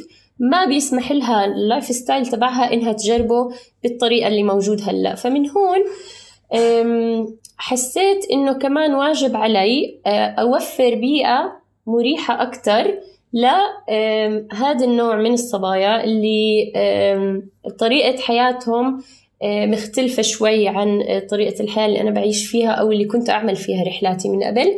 وأوفرهم هاي المساحة الآمنة بالطريقة اللي آه، هم بلاقوها مريحة لإلهم. فهذا الإشي بثق عنه شغلتين. الشغلة الأولى هي رحلات أو مغامرات للبنات بس. فلاحظت كمان إنه في كتير آه، صبايا بيرتاحوا في الرحلة أكتر حتى لو هم مع الاختلاط لكن بيرتاحوا أكتر لما تكون كل المشاركات في الرحلة آه، بنات. في منهم مثلا تعرف كمان بالمغامرات في كتير أشياء جديدة بتجربها البنت مثل مثلا hike. فبتكون لما يكون في عنصر الرجال تكون مستحية تحكي والله أنا تعبت آه، مستحية تمشي بطيء لأنه بتحس إنه آه، خلص مش مرتاحة مية بالمية. كتير كمان مرات أكبر عنصر يعني sorry to mention بس موضوع استخدام الحمام بالطبيعة كمان هذا موجود دائما في كل رحلة من رحلنا آه، ومستحيل البنت تكون مرتاحة تعمله بوجود الجنس الآخر. فحسيت إنه لو أعطينا بيئة آه، مناسبة أكتر لهدول الصبايا حتكون مرتاحة أكتر إنها تجرب. وبعدين على الأقل في أول مرة تكون آه، محتضنة في بيئة كلها صبايا. بعدين هي خلص once إنها جربت حالها عرفت قدراتها عرفت ال limits تبعونها عرفت إيش بتحب تعمله مرة تانية إيش ما بتحب تعمله مرة تانية. وقتها هي بتقدر تختار وهي مرتاحة تشارك في إشي مختلط أو غير مختلط. هذا من جهة. من جهة تانية عنا آه كنا نعمل رحلات بر اللي هي جلسات تخييم وهيك بالصحراء. نعمل فيها live cooking وكذا. هاي الرحلات آه، برضو كتير من الصبايا مثلا بحبوا آه، يرقصوا ياخذوا راحتهم. فبرضه إذا كان في عنصر الشباب موجود إذا كانت البنت محجبة ما حتقدر آه، تاخذ راحتها في هذا الوضع. فمن هون قررت إنه حتى جبت لهم آه، ساتر أو جدار طويل طوله ثلاثة متر تقريبا بحيث يوفر لهم مساحة بالصحراء مغلقة تماما يقدروا ينبسطوا فيها بدون limits بدون ما إنهم آه، يكونوا حاسين إنه في حدا ممكن يشوفهم ويعني آه، ما يكونوا مرتاحين. فإجمالا مثل ما تفضلت لأنه أنا كنت محجبة فبحترم كتير الصبايا المحجبين وبعرف آه، إيش ال limitations اللي ممكن تكون موجودة. بحاول أقلل هاي ال limitations بحيث إنه يحصلوا على حقهم في التجربة على الأقل. لأنه كل التجارب في العالم كل المغامرات في العالم مش adjusted للمحجبات. فبيكون فيها كتير آه، أشياء بالنسبة للمحجبة قد تعتبر تنازلات أو قد تعتبر خلص discomfort آه، بالنسبة لإلهم. ف يعني دخولي على الخط من كوني شايفة وجهة النظر من الجهتين حاول يقرب المغامرات بأقل ال... يعني بأقل التنازلات الممكنة على البنات آه، المحجبين. فهذا اللي عم عم بحاول أعمله بشكل أو بآخر. هلا كتير حلو بس بحس إنه يعني آه، مهما جربتي تعمليه كتير صعب. يعني أول إشي فكرة إنه بحس إنه يعني أنت عم بت عم تشتغلي بمجتمع ما محدد أكثر من فكرة التعميم على مستوى كل العالم. ومجتمع ما اللي هو مش بس قضية الحجاب آه، قضية الصبية بحد ذاتها آه، حركتها وسفرها وكذا. بضل محدود بتفاصيل اجتماعية وثقافية وعادات وتقاليد وكمان دين وأنت عم بتراعي هذا الإشي. بس بحس إنه مثلا لما بدك تيجي تطلع على كلمنجارو وبدك تعمل شيء للصبايا فقط أو للمحجبات فقط ما راح يزبط معك. لأنه بالآخر يعني في عندك كمان عناصر اللي هو إذا أنا ما إجيت معك إذا أنا العنصر المرفوض هو مشارك يعني متسلق معي فهو في حدا بالآخر الناس اللي بدها تطبخ أو تنفخ أو تعمل أو شوفير أو كذا اللي بدها تتعاطى معه. ف... فبالاخر رح يضل الإشي محدود. وبفكر حتى الرحلات اللي أنت عم تحكي عنها فيها عنصر رجال موجود كدعم ومساندة صح؟ مزبوط. هلأ أكيد لا يعني لا غنى لا يخلو الأمر من الرجال. لا, لا يخلو من بعض ال... كان لا غنى عن الرجال كتر ألف خيرك. نستغنيش عنكم إحنا. بس اللي حسيت. شو هذا؟ يعني لكم دور فعال الصراحة. لا لأنه بدي أحكي لك انت أنت لما بنطلع لما رحنا قرارات وكلمنجارو إنه يمكن بعض الشباب وبعض الصبايا الصبايا عبروا عن حرج بقضية الحمام في الطبيعة. أوكي؟ قضاء الحاجة في الطبيعة. وهو فعلا إشي يعني مش عند الصبايا عند الكل. إحنا متعودين على نمط مختلف يعني. آه. بس بتذكر إنه مثلا كان في نقاش مع مع صديقة اللي هو إنه آه، آه، المشاركين لازم يبعدوا. فهمت كيف؟ المشاركين آه. لازم يبعدوا كتير. بس اللي بيشتغلوا بنصبوا خيا ممكن يكونوا أقرب. الجايدز عادي. إنه كيف يعني؟ لسه بدي أحكي لك لاحظت هذا الإشي عندهم إنه المهم المشاركين جايين من الإمارات نعرفهم بيعرفونا أو في مجال إنه يعرفوهم أو يعرفونا يعني في المستقبل ما يكونوا شباب. بس الجايدز هناك عادي. فهي أكثر هي مش موضوع إنه ما بدهم اختلاط على قد ما, ما إنه بدهم يكونوا في بيئة مرتاحين فيها من حيث مثلا الناس اللي قاعدين معهم بالباص الناس اللي طالعين معهم بالطيارة. الناس اللي في بيننا وبينهم احتكاك أكتر. هلأ ال guides وكذا عادة آه، أنا بكون حلقة الوصل بيني وبينهم. فحتى وقت ال activities كذا آه، بيكون مثلا السائق بعيد ال guide بعيد آه، أنا اللي بكون handling the whole thing وحتى إذا حبوا يحكوا أو كذا أنا بكون حلقة الوصل دائما. بس بس آه هذا الإشي لاحظته إنه بالنسبة لهم عادي الجايد يكون شاب بس ما يكون طالع معنا من الإمارات بس آه، الجروب اللي طالعين من الإمارات يكونوا آه، بنات. يعني في إشي قد يكون does not make sense بال بال بالصورة العامة بس إذا فكرت فيها هو مش بس الامتناع عن الاختلاط حرفيا وإنما هو آه تكون البنت مرتاحة يعني حتى في منهم حتى مو محجبات اللي بفضلوا رحلات بس للبنات. بس بيقولوا لي إنه إحنا بنكون مرتاحين أكتر لما ال group كله يكون بنات. بحسوا إنه الموضوع free of judgment بيكون ما يعني مش مضطرين يحطوا خلينا نحكي effort لأنهم يكونوا إشي تاني أو يحطوا اعتبارات لأنه في معنا شاب ومستحيين وكذا. حيحسوا حالهم مرتاحين أكتر يتصرفوا بطبيعتهم لما تكون لما يكون الجروب كله بنات آه وبيعرفوا إنه الجايد خلص يعني مش كتير مش كتير حيكون متبع معهم صح صح صح هي يمكن العلاقة آه. مع الجايدز انه هي اختياريا فعليا بتقدر ما تتعامل صح. معه بس هي صح. إذا أنا طلعت مجبورة تتعامل معي يعني هذا شق من الإشي بس أنا آه، يعني حبيت أضرب لك التصويت اللي بتعمليه بالقصة هاي. شكرا. لا لا لا لأنه لأنه بحس إنه في إشي أصلا عم تعمليه اللي هو يعني بكسر الصور التقليدية لفكرة إنه الصبية ما بتقدر تسافر أو ما بتقدر تتحرك أو ما بتقدر كذا لا هي بتقدر تختار. مع مين تتعامل وكيف تتعامل يعني. والإشي مش بس صح. بسياق محجبات. بس لفتني بحكي لك إعلان للمحجبات فقط أو أو للصبايا المحجبات أو رحلة نسائية أو كذا. هلا أنا أخذتها بالأول. هلا الرحلة الرحلة لما يكون اسمها للصبايا فقط معناته كل المشاركين للصبايا. بس إذا محجبة يعني خلص بدك تضلك في حجابك مثلا أو ما في consideration لموضوع آه، إنه محجبة أو لا. يعني في صبايا مش محجبين عادي بيطلعوا في رحلة الصبايا بس من باب إنه الجروب كله يكون صبايا يكونوا مرتاحين فيه على الآخر. لكن لما يكون الموضوع بيراعي موضوع الحجاب معناته أولا حتى ال guide حيكون حتى ال guide حيكون صبايا. يعني guides ال hike guides المغامرة كلهم صبايا.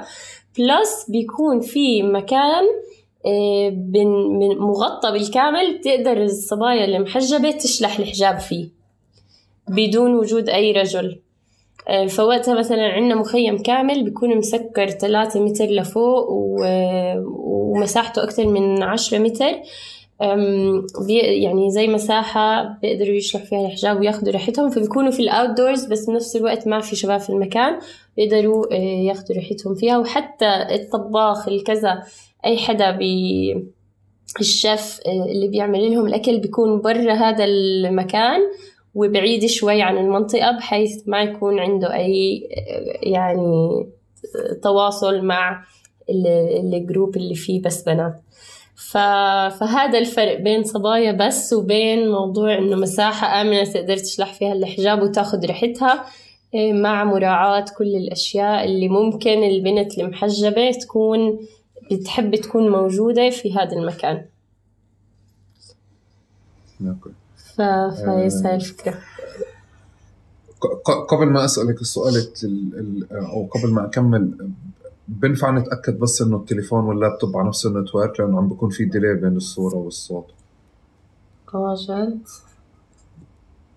بس يمكن لازم آه مبلا هم نفس ال network. أنا شبكت من الموبايل ما بعرف ليه الواي فاي كله فصل. هلا لسه في delay لا تمام. تمام تمام. okay. تمام. طيب اسيل اهتمامك العالي جدا ب آه احكي لي انه عم بسجل. آه عم بسجل. تمام اهتمامك هذا الكبير بالصبايا وبخصوصيتهم آه، وكمان بتحريض الصبايا على الترحال والسفر والمغامرات. أه بظن جزء منه تسويق وجزء منه شغلك وجزء منه كارير وجزء منه بتحبي رفقة بنات. بس كمان بحس إنه انت بتكوني تحكي على تفاصيل أه أو عرفت كمان إنه انت بتكوني كمان تشاركي تفاصيل أثر هذه المسارات كلياتها على البنت نفسها. يعني على قوة شخصيتها على على استقلاليتها على ثقتها بنفسها أه على قدرتها على خوض معارك أكثر آه، سواء في مجتمعها أو غير مجتمعها بشغلها ببيئتها بعيلتها وهيك. آه، بنفع أسألك السفر شو غير فيكي آه، مش مظهرا بس على مستوى نفسي وعلى مستوى اسيل ما قبل السفره الأولى وصولا لليوم 2023 اللي عم بتنظم أصلا رحلات لشباب وصبايا. كيف تغيرت اسيل أكيد. هلا يعني السفر مدرسة من حيث إنه أو أكثر إشي ممكن الواحد يتعلمه من السفر إنه كتير من الأفكار اللي كنا متبنيينها وشايفينها هي الصح فوق كل العالم في ناس تانيين في بلاد تانية متبنيين عكسها تماما وكمان مفكرين إنه هاي هي الأفكار الصح وأصح إشي في العالم. فاللي غيروا فيا السفر أكثر إشي هو إنه وفر لي مصدر أكبر من المعلومات والثقافة وعلمني أختار الصح لأنه فعليا صح مش لأنه أنا تعودت إنه صح. فخلال خلال مسيرتي في السفر في كتير أفكار أه، تعلمتها كانت ما كنت متخيلة إنها ممكن تكون مناسبة لإلي أو ممكن أكون حابة أتبناها لأنه أصلا ما كنت بعرف إنها موجودة من قبل.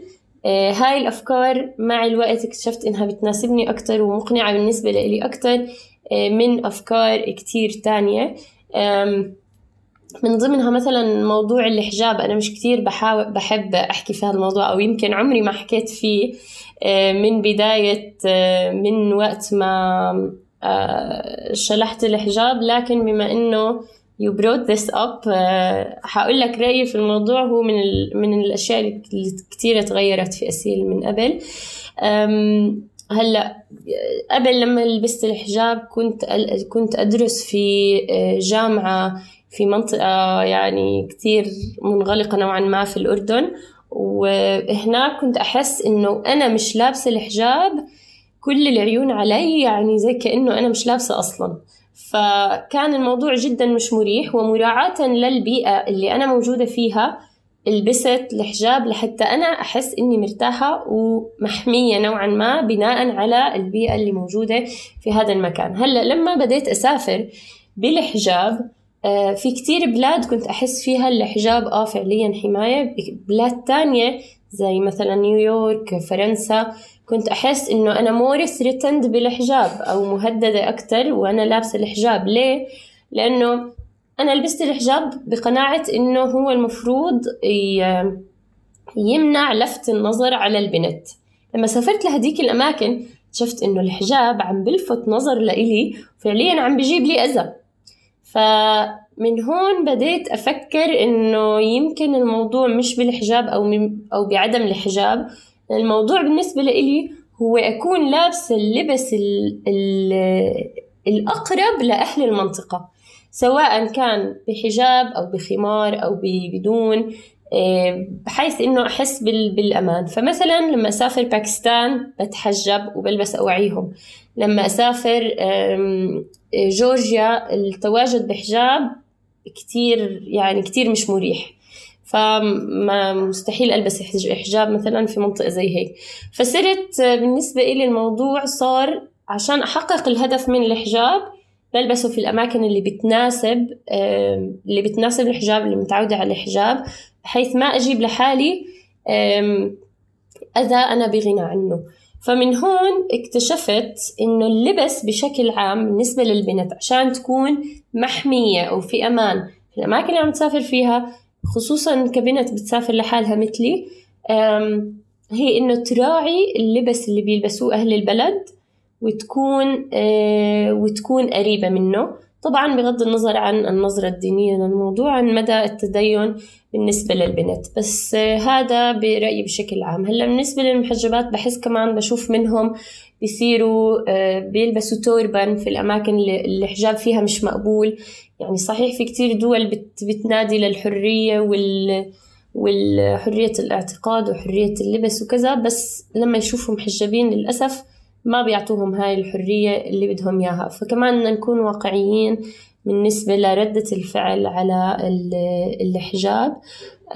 فهاي فكرتي أنا كأسير وهاي واحدة من الأشياء اللي تعلمتها من خلال السفر. بالأخير أنا مش رايحة أجاكر الشعب ولا رايحة أعمل مشاكل ولا رايحة أعرض حالي للخطر عشان أثبت أي إشي. بالنسبة إلي رايحة أنبسط وبهمني بالدرجة الأولى أكون في أمان لأنه ما في إشي ممكن يكون يعني بيستاهل إنه أضحي في قد تكون في حياتي مرات في بلاد مثلا معروف فيها العنف معروف فيها ال ال يعني, يعني ممكن الواحد يتعرض فيها عن جد للأذى مقابل إنه أثبت وجهة نظري في لبس معين أو في إشي معين من هذا النوع. فهاي هاي واحدة من الأشياء. أشياء تانية قد تكون التقبل للناس بشكل عام. يعني قبل كنت كان كان يعني معظم الناس ثواني ال AC sorry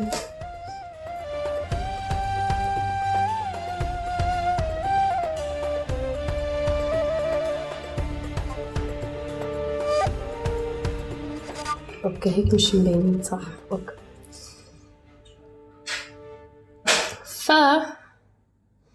فهاي الأشياء اللي تغيرت في في أسيل. شغلة تانية هي آه التقبل. كنا نحكي عن تقبل ب آه للشعوب الأخرى للأفكار الأخرى.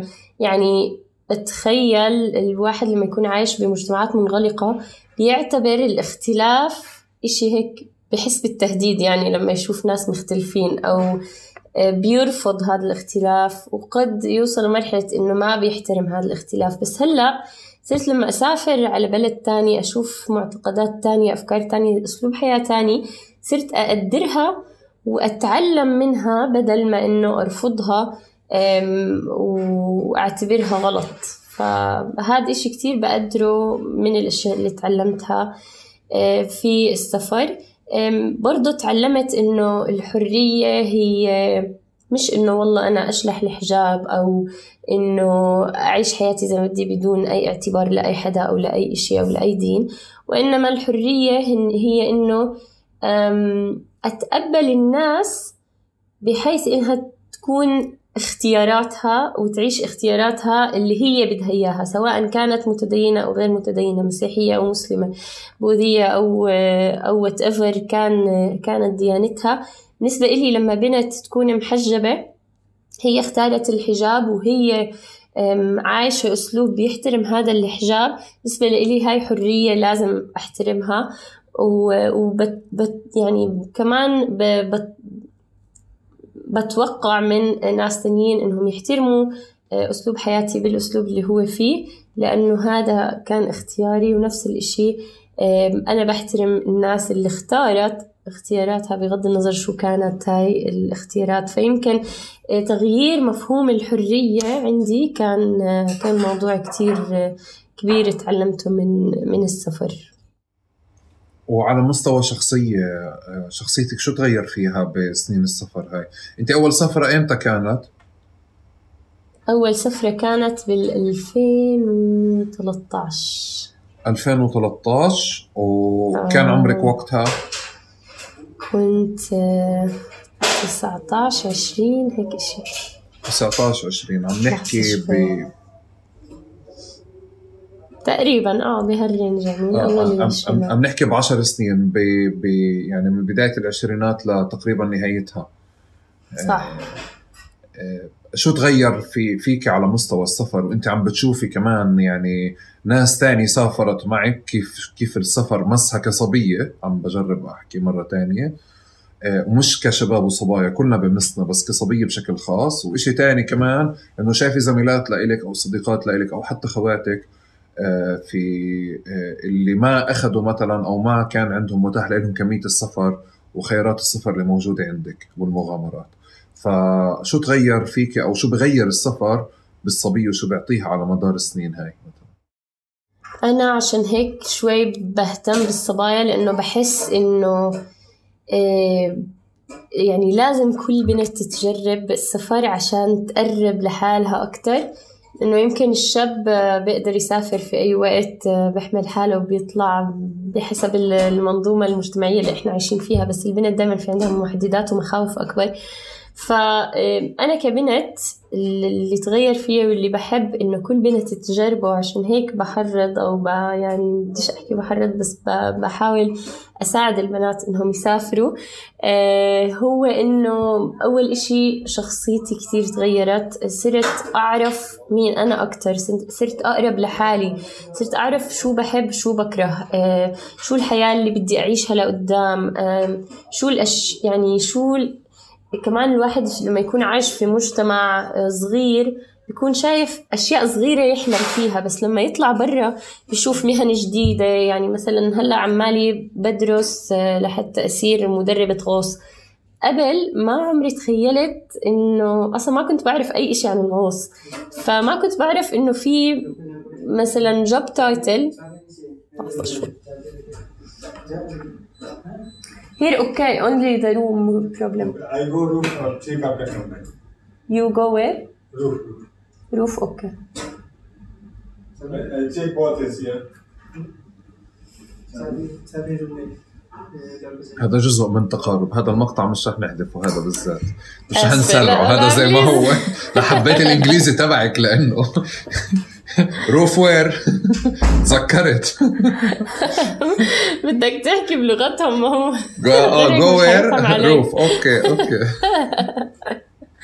هير نو بروبلم بروبلم روف نو بروبلم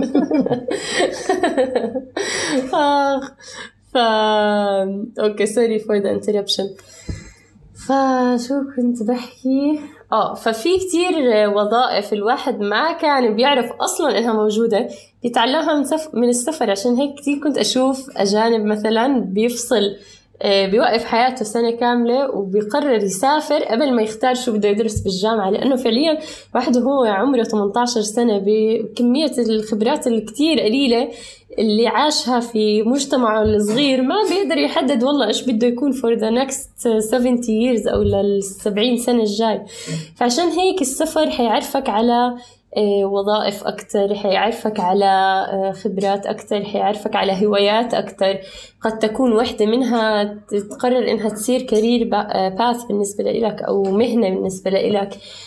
كمان شغلة إنه الواحد بصير هيك غني بالتجارب اللي تقربه من حاله أكتر. يعني أنا هلأ أسيل مثلا بعرف إنه لما أتضايق بطلع على الطبيعة.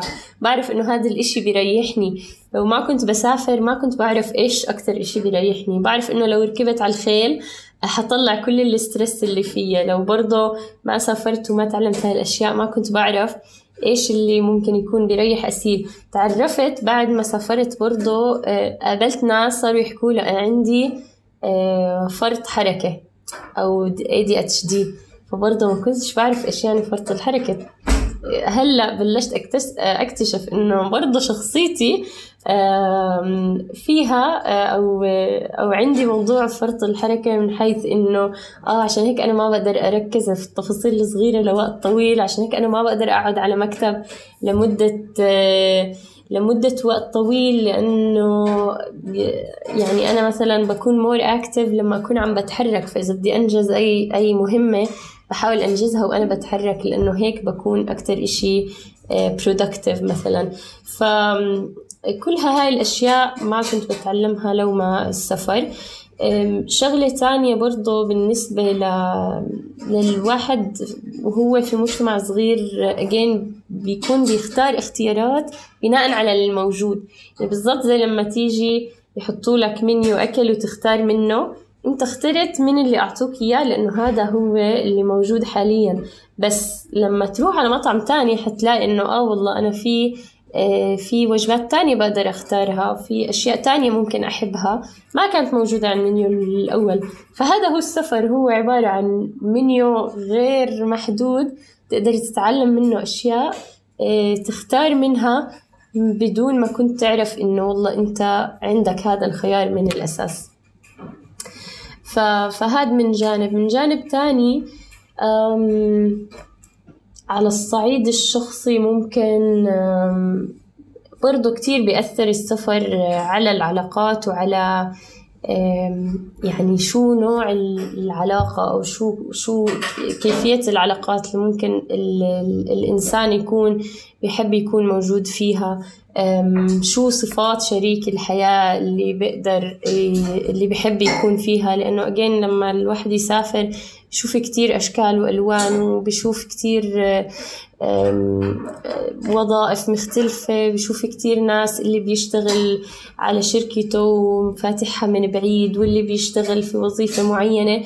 فبرضه كل هاي الأشياء بتأثر على اختيار الواحد لشريك حياته وعلى الطريقة اللي بده يعيش فيها في المستقبل.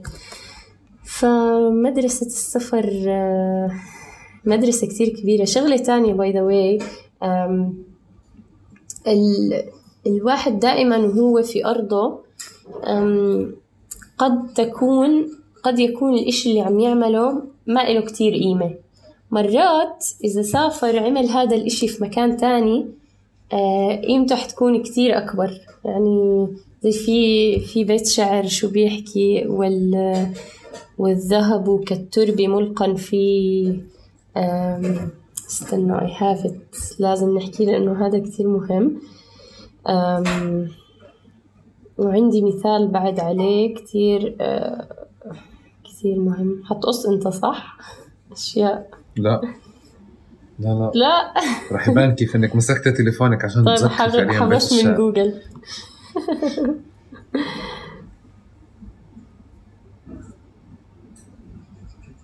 ثواني لأني كاتبته.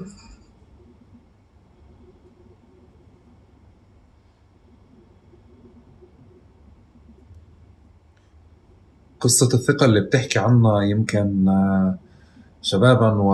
و... وبناتا يعني شبابا وصبايا بظن فكرة آه، آه، يعني كنت أضل أحكي عنها بمسار الغربة بس كمان لما يعني بعد تجربة تسلق قنارات وكلمنجارو شفت في شيء بغض النظر عن عن مستوى المجتمع أو المحيط اللي موجود حوالينا أو دوائرنا في إشي الواحد بشعر فيه بثقة بينه وبين حاله مختلفة عن أي شيء تاني. يعني مختلفة عن إنه أنا طول الوقت بدي أثبت إن شيء لمحيطي أو دوائري أو ناسي. فبالنتيجة أنت بس تنزلي من المشوار بتثبتي. أول شيء بتثبتي إنك أنت مجنونة كفاية إنك تفكر بهيك مغامرة. إنك تطلع عليها حتى لو عملتي يوم أو يومين أو ثلاثة. وإذا عملتي المشوار كامل ورجعتي يعني بروح جيدة وعالية ولطيفة مع الفريق وانبسطت أنت وياهم بتكون يعني التجربه كتير عظيمة. بس بفكر أكثر إشي فيها في حاجة زي فكرة لما بدربوا الواحد بفنون قتال جزء منه بضلهم يشتغلوا على شيء نفسي إنه أنت عم بتكون مؤذي.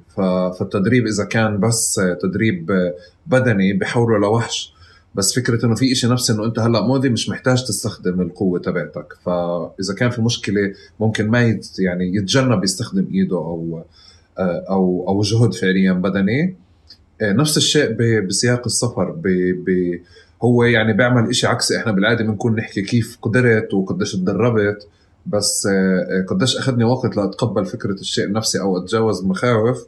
بظن هذا إشي للحياة يعني مختلف. وفي كمان شغلة السفر بحد ذاته في كمية حوادث سير مؤسفة صغيرة الحوادث التافهة اللي هو محسوب عليك إنك ضربت المراية وصار معك حادث.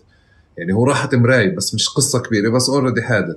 اللي بخليك بدك تضطر تتعاطي معها بهدوء يعني برواق بتحمل. لأنه شكل تعاطينا مع مشاكلنا باليوم يوم بالسفر ما بزبط إنه كل ما انضربت مراية يتنكد يومي لأنه أنا ماشي رح أضل ماشي فعليا. كل مراية رح أركبها رح توقع يعني بهذا الشكل. صح. السفر بشكل عام والمغامرات.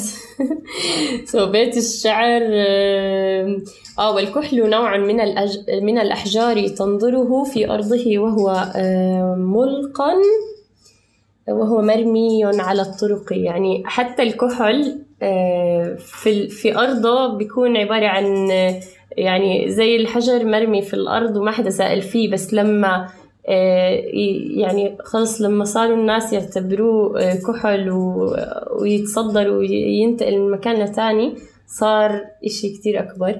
فهلأ بشكل عام اللي حكيته كتير مهم لأنه السفر دائما بيطلع يعني ببين معدن الإنسان حرفيا وأنا كوحدة بتاخد جروبات وبتاخد أصدقاء حتى في السفر. يعني بتكتشف إنه الإنسان اللي قدامك حدا تاني وكثير صارت أكيد مع ناس يقول لك أو سافرت مع فلان وكانت غلطة عمري لأنه فعليا ما بتعرفه إلا بالسفر. حتى لو بتعرفه من عشرين سنة لما تسافر معه الموضوع كتير بيختلف. وخصوصا إذا كان في مغامرة انفولف بالسفر. لأنه السفر بحطك خارج منطقة راحتك فالواحد أولا ما بيكون مرتاح يتصرف بالطريقة اللي معتاد إنه يتصرف فيها.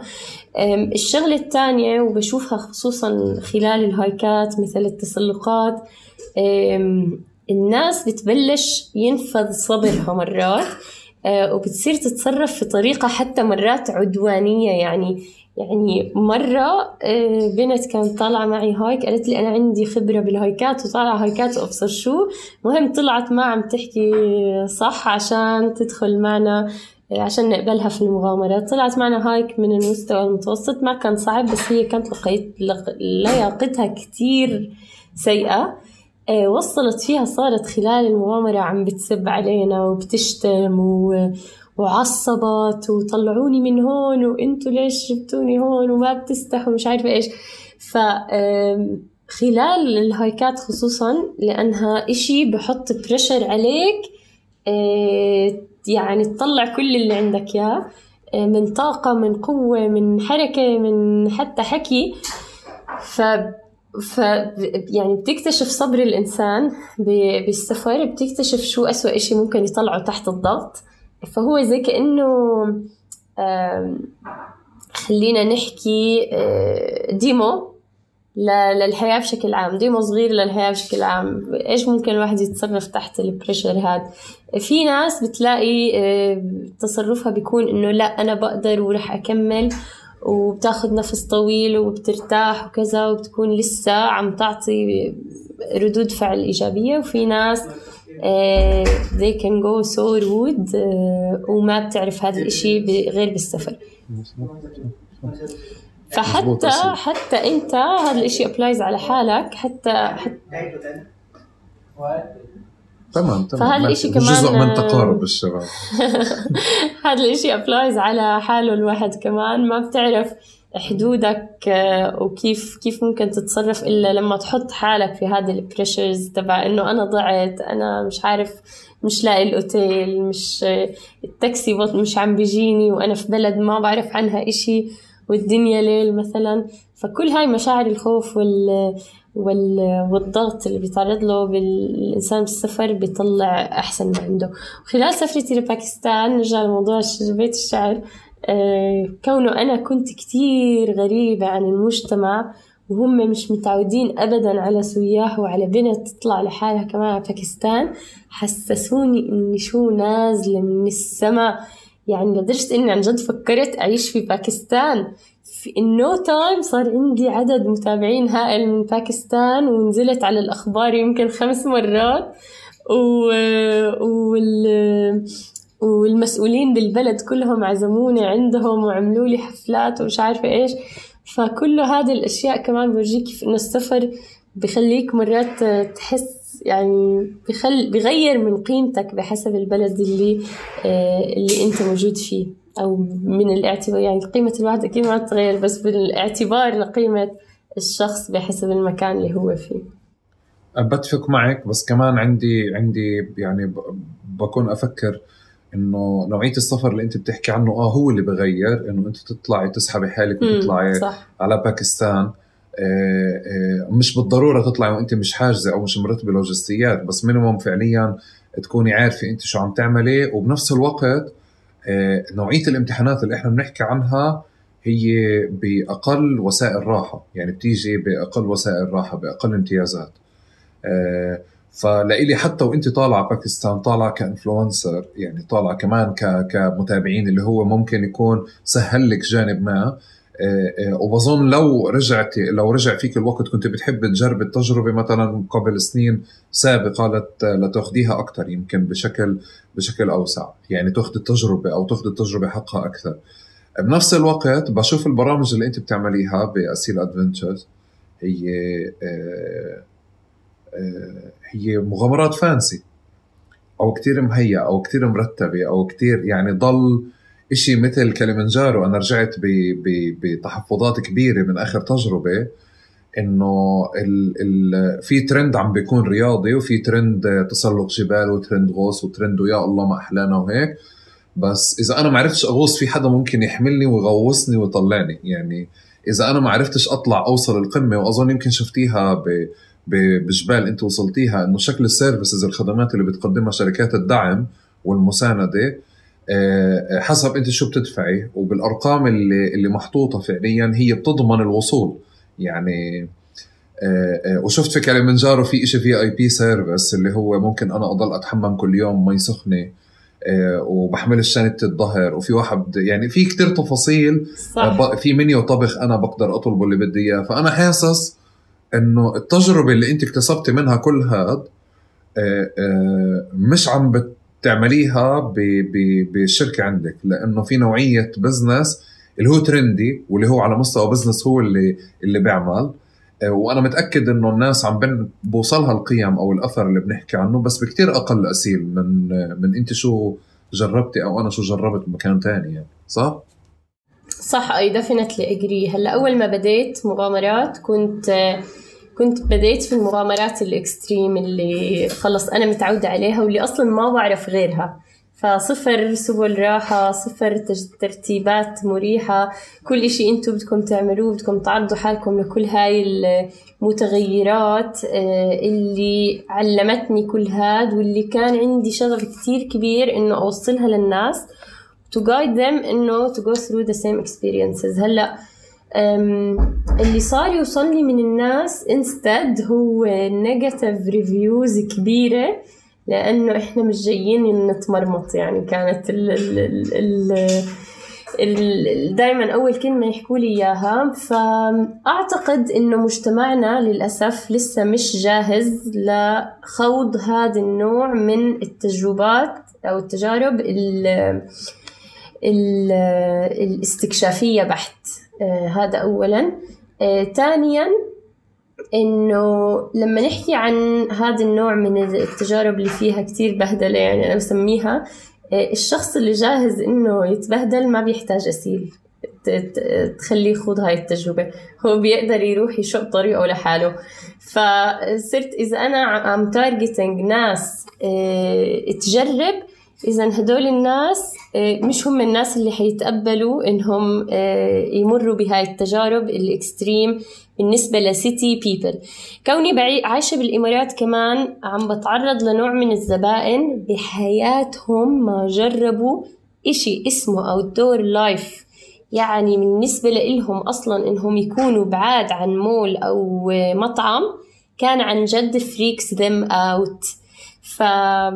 فحسيت إنه تاخد حدا من الإمارات اللي هم معظم معظم الكاتيجوري تبع زبايني تاخد حدا من الإمارات فجأة تحطه بجبل مثلا بدون ولا أي سبل راحة كان الموضوع يكون بالنسبة لهم مرعب traumatizing. فبدل ما أنا أساعدهم يجربوا إشي جديد صرت عم ببني عندهم تروما يعني رعب عن إنهم يجربوا هذا الإشي مرة تانية أصلا. فالأثر السلبي كان لهاي التجارب أكبر من الأثر الإيجابي على كاتيجوري الناس اللي عم تعامل معهم. فمن هون آه، قررت ألطف ال- الموضوع بالنسبة لهم شوي أكتر.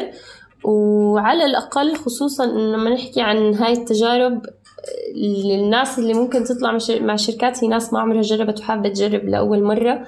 فعلى الأقل أول تجربة لإلهم تكون آه، شوي مراعية لهاي ال- الظروف. كمان شغلة لاحظتها إنه ال physical ability تبع الناس اللي عايشين بالمدينة جدا جدا محدودة أكتر بكتير من ما بتتخيل. يعني حتى في ناس تكون أوزانهم مثلا مناسبة وبتمرنوا بالجيم لكن ما يجوا يطلعوا في hike أكون مصدومة من كمية التعب اللي تعبوه من كمية آه، عدم القدرة على الاستمرار بسبب إنهم حتى مش عارفين كيف يمشوا على الحجار لهالدرجة.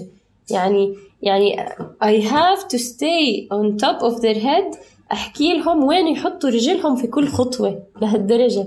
فيمكن هذا الإشي بالأردن وبفلسطين. مش كتير أبلايز لأنه شوي عنا الشعب مدعوك أكتر. فحسيت حسيت الناس اللي عايشين بالإمارات خصوصا أو دول الخليج عندهم سبل راحة كتير عالية. آه، عدم تعرض لل- للطبيعة بشكل كتير كبير. فكان كتير آه، حتى قد يكون خطر إن ندخلهم في المغامرات بشكل بدون بدون تمهيدات يعني. فهاي الأشياء كلها علمتني وصرت أغير شوي شوي بحيث أكون أقرب ل ال ل الناس. فعشان هيك غيرت الكاتيجوري من إنه إيه، الناس المغامرين إلى الناس اللي حابين يغامروا لأول مرة. فأنا زي بمهد الطريق بحيث أوفر لهم أسهل أسهل الأمور آه، حتى يقدروا يجربوا على الأقل لأول مرة. بعدين هم بيقدروا يقرروا إذا this is my thing أو لا بيقدروا وقتها ينطلقوا حتى لحالهم آه، يعملوا هاي المغامرات. والله مكواكي ومصدقك أنا كنت أفكر إنه رح تردي علي إنه لا مين قال هيك؟ إنه إحنا كمان في في بصير معنا هيك هيك هيك هيك وبصير معنا هيك هيك. أنت أنت مباشرة. أعطيتيني جملة مفتاحية وشايف الفانسي إنه اللي أنت عم تحكي لي اللي- عنه اللي معني يتمرمط ويجرب مش محتاج أسيل. إنه شيء. حرفيا. هذا اللي تعلمته من البزنس يعني ف... فخلص الواحد يكون واقعي وصادق مع نفسه. وحتى level ال luxury اللي أنت عم تحكي عنه بتقولي رحلاتك luxury جزء كبير من الناس يمكن 80% لما يجوا معي they're like إنه توقعنا إشي أحسن من هيك؟ مثلا من نوع الأوتيلات من نوع أنا بالنسبة إلي بكون كتير هاي الرحلة luxury بالنسبة لأسيل. فأنا بحكي لهم يا جماعة أنا زبطت لكم أكتر إشي luxury قدرت عليه. هم بيجوا إنه إيش؟ ما في مثلا room service بالأكواخ ما في laundry ما في مش عارفه إيش. لسه شعبنا مو جاهز لفكرة إنه المغامرة بتختلف عن السياحة. يعني لما تيجي أنت تحجز كوخ مثلا ما بتتوقع في room service ما بتتوقع في laundry يا جماعة لأنه إحنا مش في المدينة. plus إحنا ما عندنا كتير خيارات لما نكون في قرية صغيرة هم هالأوتيلين بدنا نختار في واحد منهم وندبر حالنا الموجود. فلسه ال mentality العربية مش كتير عم تستوعب الفرق آه ك business owner عم بحكي لك مش كتير عم تستوعب الفرق بين رحلة سياحية وبين مغامرة. فبرضو أنا هذا ال challenge الأكبر بالنسبة لي إنه أنا I'm spreading awareness عم بحاول أوعي الناس لسه عم أعمل brand awareness للمغامرات عشان يعرفوا أصلا شو يعني مغامرة بعدين يقدروا يتقبلوا إيش بيجي مع package المغامرة. okay. اسيل مع سنين قاعدة بتكون أكثر آه، اسيل يعني هيك آه، بما إنه في شخصيتين أسيل اللي بتتمرمط وأسيل ال luxury كمان يعني بنمط حياتها اليوم كمان ونمط تفاعلاتها. وواضح لي إنك بتحب الاثنين. بس أنا بفكر من بعيد إنك عم بتروحي أكثر باتجاه النمط الثاني أبعد عن المرمطة. فانت آه، وين اليوم بين النمطين هدول؟ لا في فرق يعني اللي تعلمته كمان من being in this business. تعلمت أفرق بين رحلة للناس وبين رحلة لأسيل. رحلة لأسيل بحب يكون فيها جزء كبير آه، مرمطة بس مع شوية آه، مع شوية يعني ترتيب. مثلا ما بحب الهوستل ما بحب تشير share a room مع أي حدا. بحب يكون عندي my own room بس ما بروح بختار اوتيل luxury ممكن أختار guest house أقعد مع عيلة هيك. في بيتهم عيلة local في بيتهم بس في غرفة لحالي. فهذا ال level من المرمطة اللي شوي فيه شوية consideration آه، اللي أنا بحب أعيش فيه. بس لما زمان كنت أفكر إنه آه أي رحلة لأسيل ممكن تكون رحلة للناس. لا ما ما بيزبط. اكتشفت إنه رحلات اسيل رحلات اسيل تعملهم لحالها بتعيش فيها ال extreme اللي هي بدها إياه. بس لما تكون رحلة فيها زباين اجين بدي أعتبر إنه هذا الحدا أول مرة بيطلع هيك هذا الحدا أول مرة بيجرب حياة المغامرات. هذا الحدا already by being in my trip عم بيطلع من عم بنط من ال comfort zone تبعه نط. ف آه، فبرحلاتي بتجه شوي لأنه لل luxury style قدر الإمكان still صعب في يعني التحدي الأكبر أصلا اللي أنا عم بواجهه إنه أنا ما عم بقدر أوفر رحلات luxury في الأماكن اللي عم بروحها لأنه أصلا ما في خيارات luxury فبحاول قدر الإمكان أوفر أحسن الخيارات الممكنة بناء على ال category تبع المجتمع اللي هم زبايني.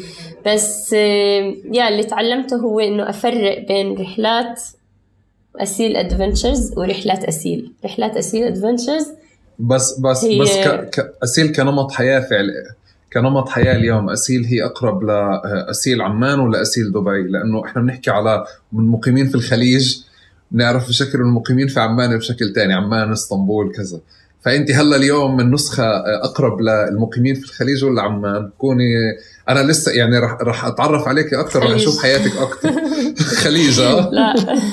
الخليج بس لما أسافر بتحرر من هالأشياء وبكون اسيل المتمردة اسيل الأردن. والله إلى حد ما. هي, هي بدها عمر. هي أنا بحس إنه فعليا نمط نمط العيشة بالخليج هو كمين يعني. إنه الواحد متى في كمية مغريات موجودة اللي اللي عن جد بتغري يعني. إنه شكل رفاهيات موجودة الواحد بيستمتع وهو عم بأخده. بس حتى مهما لو وعي للموضوع ماكسيموم ممكن يكون زي يعني آه، زي أجدادنا أو آبائنا الكبار اللي كانوا بيعيشوش حياتهم ابدا بالخليج مقابل إنهم يبنوا بيوت في في عمان بفلسطين بسوريا بكذا ويضلهم عاملين عايشين حياة المؤقت. بس إحنا اليوم بطلنا نعيش المؤقت. أسيل آه شو وداك على فلسطين؟ آه فلسطين طول عمري نفسي أزور فلسطين وما كانتش تزبط. آه وكنت كتير حريصة إنه أدخلها. من من يعني أول ما وعيت على إنه بقدر أسافر بال من أول ما صار عمري 19 20 هيك. بس دائما كانت الاوبستكل إنه أنا ما بدي أدخل إيه عن طريق الاحتلال. بدي أدخل إيه عن طريق تصريح من السلطة. يعني تصريح من السلطة. ولو إنه بالأخير يعني هم سيان بس على الأقل أكون عاملة اللي علي. ف شوي شوي حاولت أقدم لكذا شغلة ما زبطت. بالأخير تواصلت معي صديقة بعرفها من خلال التطوعات حول العالم من زمان هي فلسطينية. آه، كانت تشتغل بشركة سنيورة. قالت لي عنا آه، ماراثون. سنيورة داخلة sponsor فيه وطلبوا منا أسماء ل influencers. نديهم من برا من برا فلسطين آه، بدعوة رسمية لحتى يشاركوا بماراثون الركض. وبما إنك رياضية فيوفت في هذا الإشي وكتير حابين إنه نبعت لك دعوة.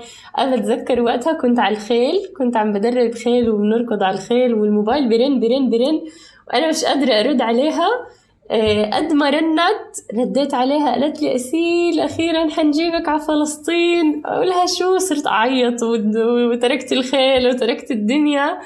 وأحاول أستوعب اللي عم تحكي لي إياه. آه، اسمها فرح علاقات الله يسهل عليها. طبعا آه، فعليا قدمنا وحكوا لي الجواب بيجي بعد شهر.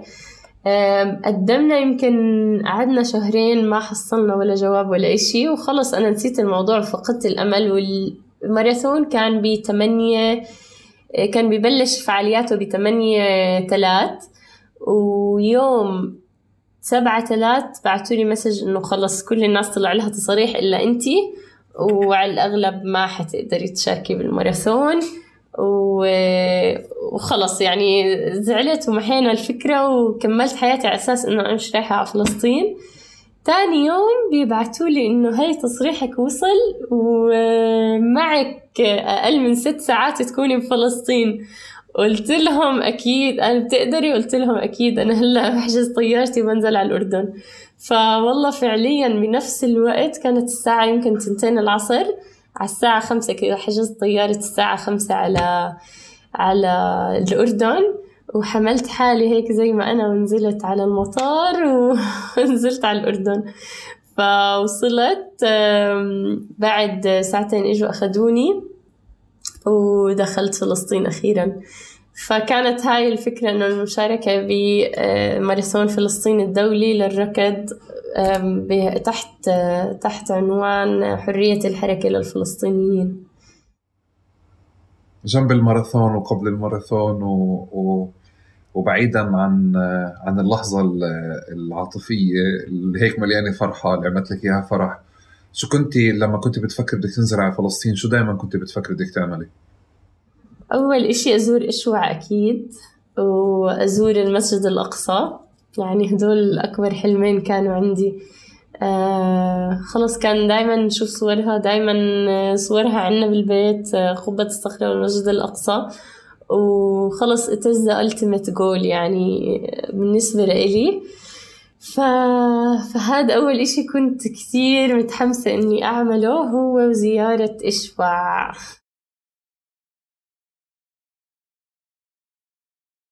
آه زرتها أخيرا. هلأ أول كم من يوم كنا بفعاليات مع الماراثون.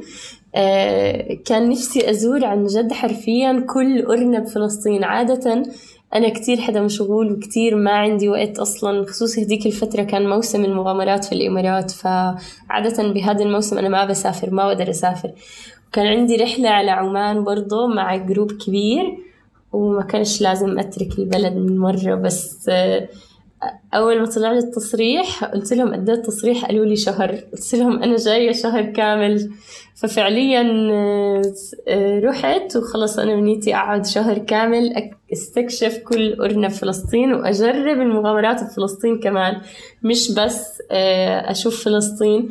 فكان نفسي أروح الخليل أكل كنافة ب بنابلس أزور مخيمات جنين أروح على البحر الميت أعمل هايك بيافا وحيفا.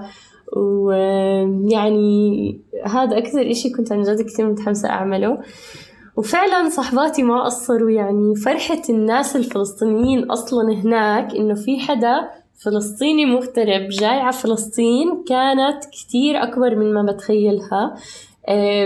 تقريبا كتير كتير نادر إنه أصلا حدا يقدر يحصل تصريح ويدخل فلسطين فبالنسبة لهم الموضوع كان كتير كبير. plus إنه الناس نفسها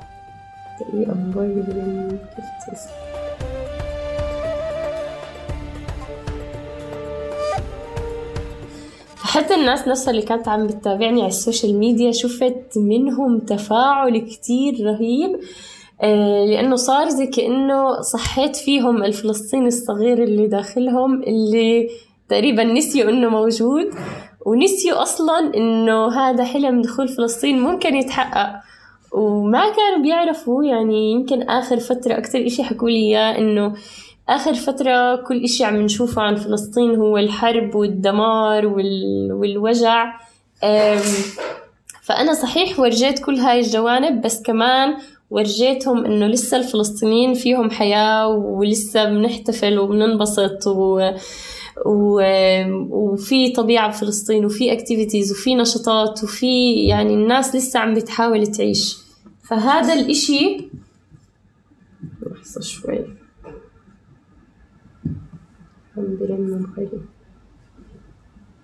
هو شغال الصوت عندك تقدر تكمل. آه شغال؟ طيب آه. حتى وهو برن. خليني أحط message بس عشان ما يرن قولي له أوعك ترن مرة ثانية أحمد بحكي لك أوعك ترن مرة ثانية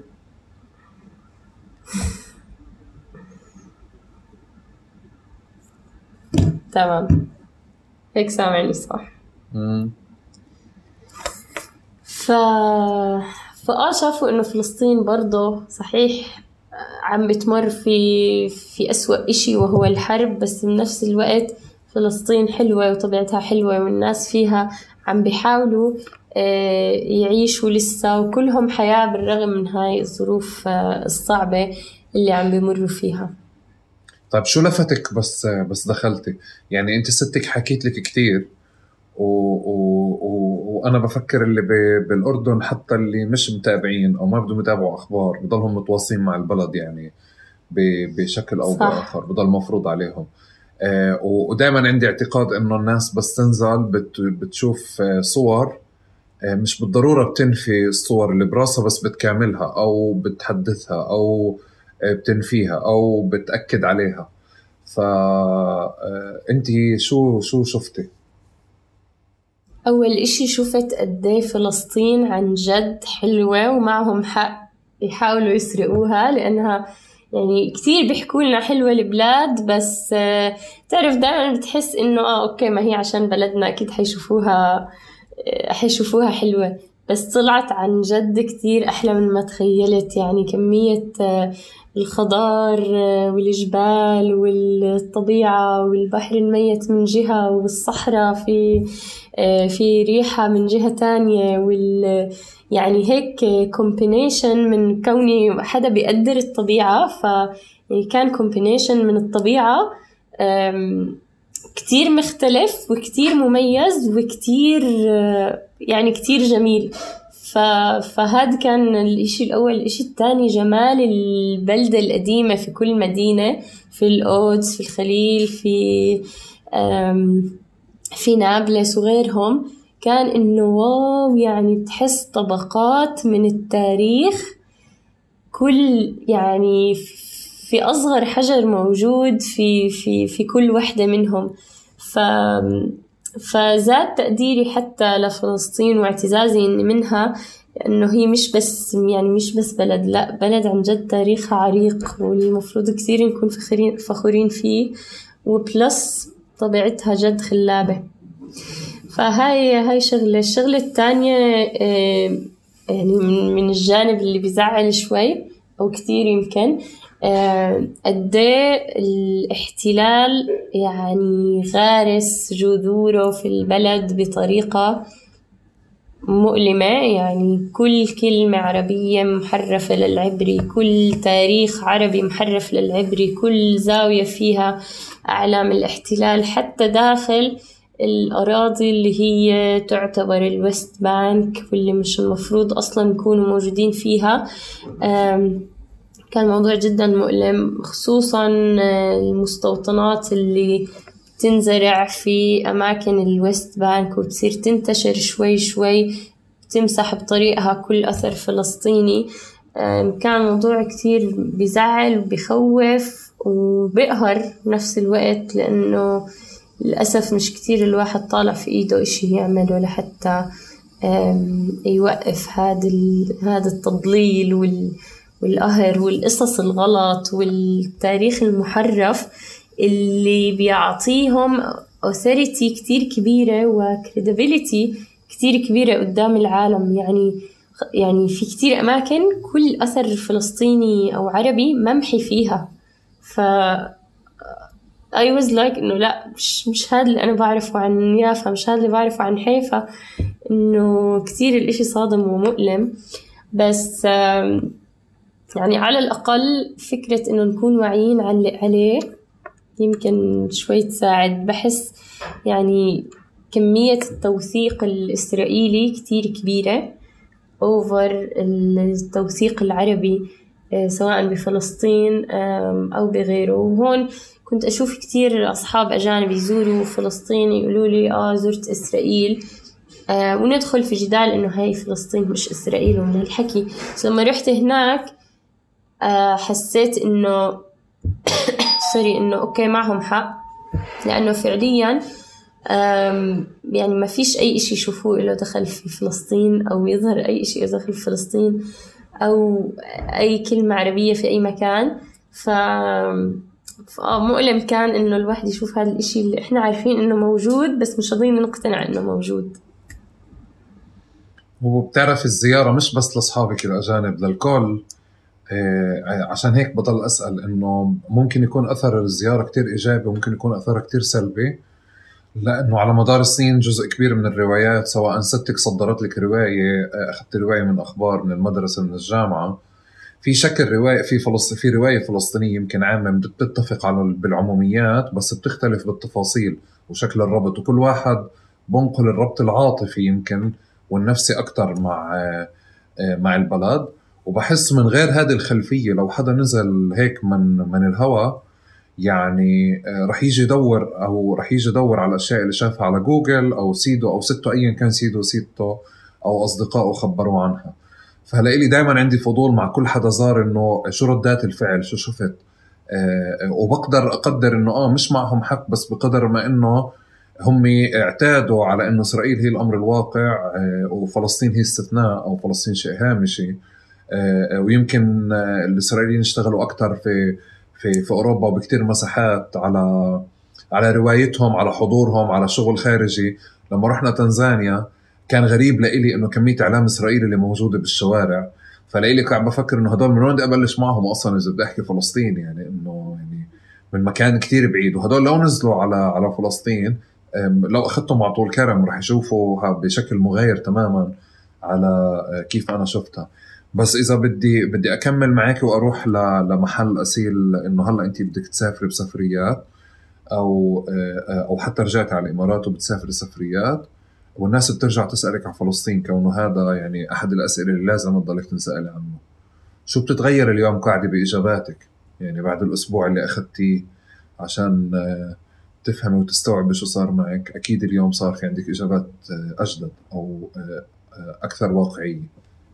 بحس أكثر إشي بيتغير هو الشغف لما أحكي عن بلدي وأنا شفتها وأنا عارفة عن شو بحكي. مش بس حكي مبني على قصص سمعتها وأنا صغيرة ففي ثقة أكبر شغف أكبر وألم أكبر لما يعني يمكن طول عمرنا قبل ما أشوف خلص مش مقتنعة إنه إنه ممكن عن جد هالقد من فلسطين يكون انسرق.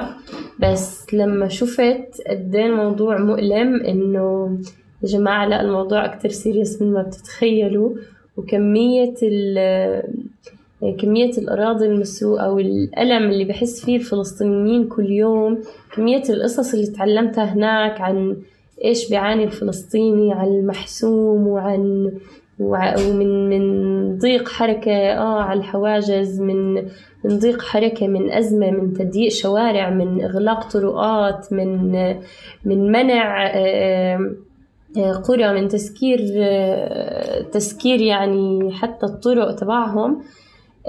كل هاي أشياء يعني قد بنسمعها بالأخبار بس كتير غير لما نشوفها بعيننا لما أعيشها بعيننا.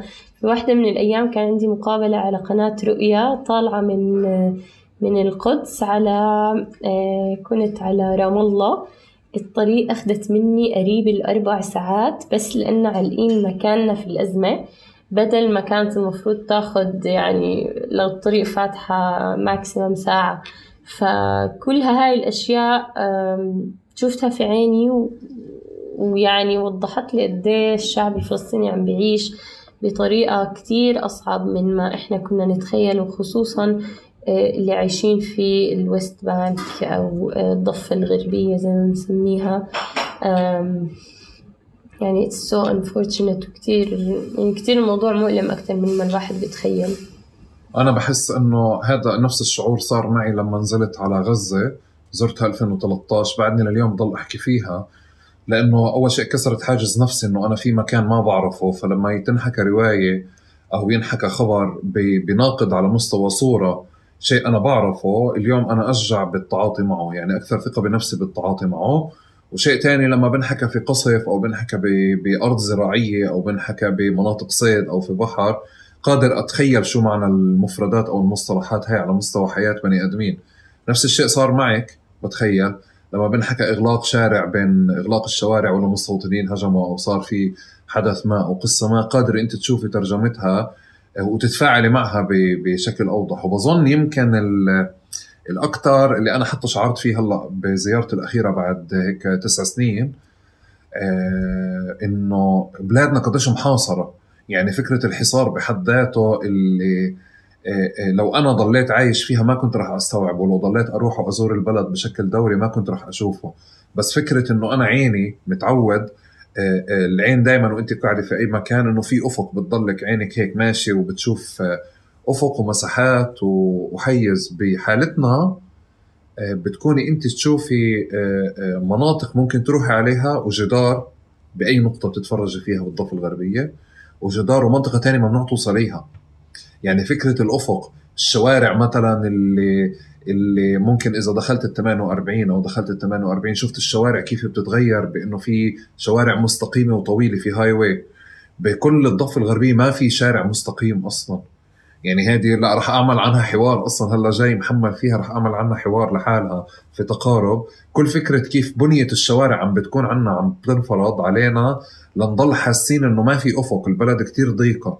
وقديش كمان بالتخطيط ضمن ملف استعماري أكبر آه، آه، بفيد وبركز فكرة الحصار أكثر عندنا. فهدول كله الواحد ما بشوفهم غير يعني أو خليني أقول مش هيك يعني بلاش نتكفكف أنا وياكي هلأ من ال من بسياقات بسياقات مش عم بنشجع الناس تنزل اللي بده ينزل فلسطيني ينزل. بس قصدي إنه في إشي الواحد بتواصل معه أكثر لما يشوفه. لأنه كمان البلاد كتير تغيرت واختلفت عن الرواية اللي إحنا بنعرفها يعني. مية بالمية هو موضوع التطفيش أنا بسميه للفلسطينيين والتضييق عليهم لحتى يضطروا خلص يوصلوا لطريق مسدود إنه يضطروا إنهم يطلعوا من البلد كلها وما يعني ولا إنه يعيشوا هاي الحياة اللي كتير صعبة. فعن جد يعني العيشة في الضفة الغربية كل يوم فيها جهاد. أنا هذا اللي تعلمته من هاي الرحلة. يعني لما صاحبتي تاخدني على بلكونتها تقول لي هي القدس شايفة القدس قبالها شايفة المسجد الأقصى قبالها بينها وبينه عشر دقايق مشي ومش قادرين يدخلوها من سنين بسبب آه، كل هاي ال limitations اللي بحطها الاحتلال بالمقابل. واحد بيقارن بحياته كيف أنا مثلا بقدر أسوق عشرين ساعة لعمان بدون ما حدا يوقفني. بدون ما حدا يوقفني في طريق آه، مستقيم بدون أي limitations كله هذا الواحد يعني كتير بيقدروا بالشعب الفلسطيني اللي عايش هناك لأنه من مرة من مرة مش سهل إنك تروح على دوامك آه، يكون دوامك بعيد مثلا عشرين كيلو. هاي العشرين كيلو تاخد ثلاث ساعات. بس أنت ما عندك حل تاني لأنه إذا بدك تطلع من بيتك رح ينسرق. فأنت مضطر تعيش في هذا البيت طول حياتك.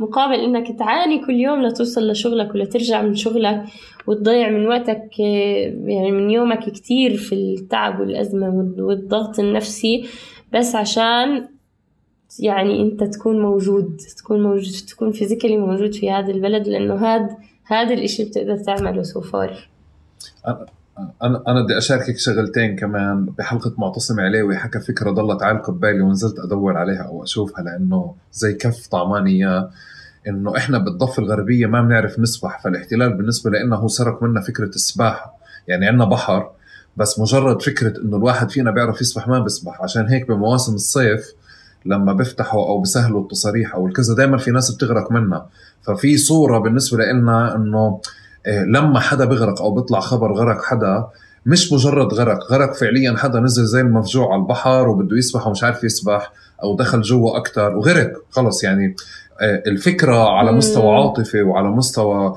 نفسي ورومانسي بتتجلى بحادثة غرق واحد مفجوع على البحر نزل وطلع.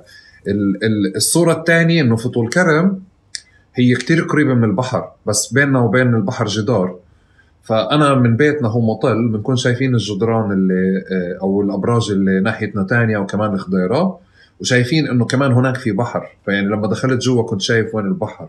لإلي أنا أسير في طول كرم بعيش جو الرطوبة يعني الرطوبة اللي ممكن آه. تكون في دول الخليج أو موجودة بإسطنبول لأنه هي منطقة قريبة من البحر بس أنا ما بوصل البحر.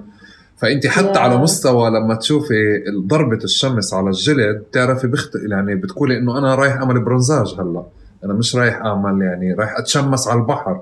هذا اليوم يوم تبع طول كرم هو مناخ بالكامل بحر بس ما بتشوفيه أو ممنوع توصلي له حتى لو شفت حدوده كمان. ف... يا الله الوجع عن جد.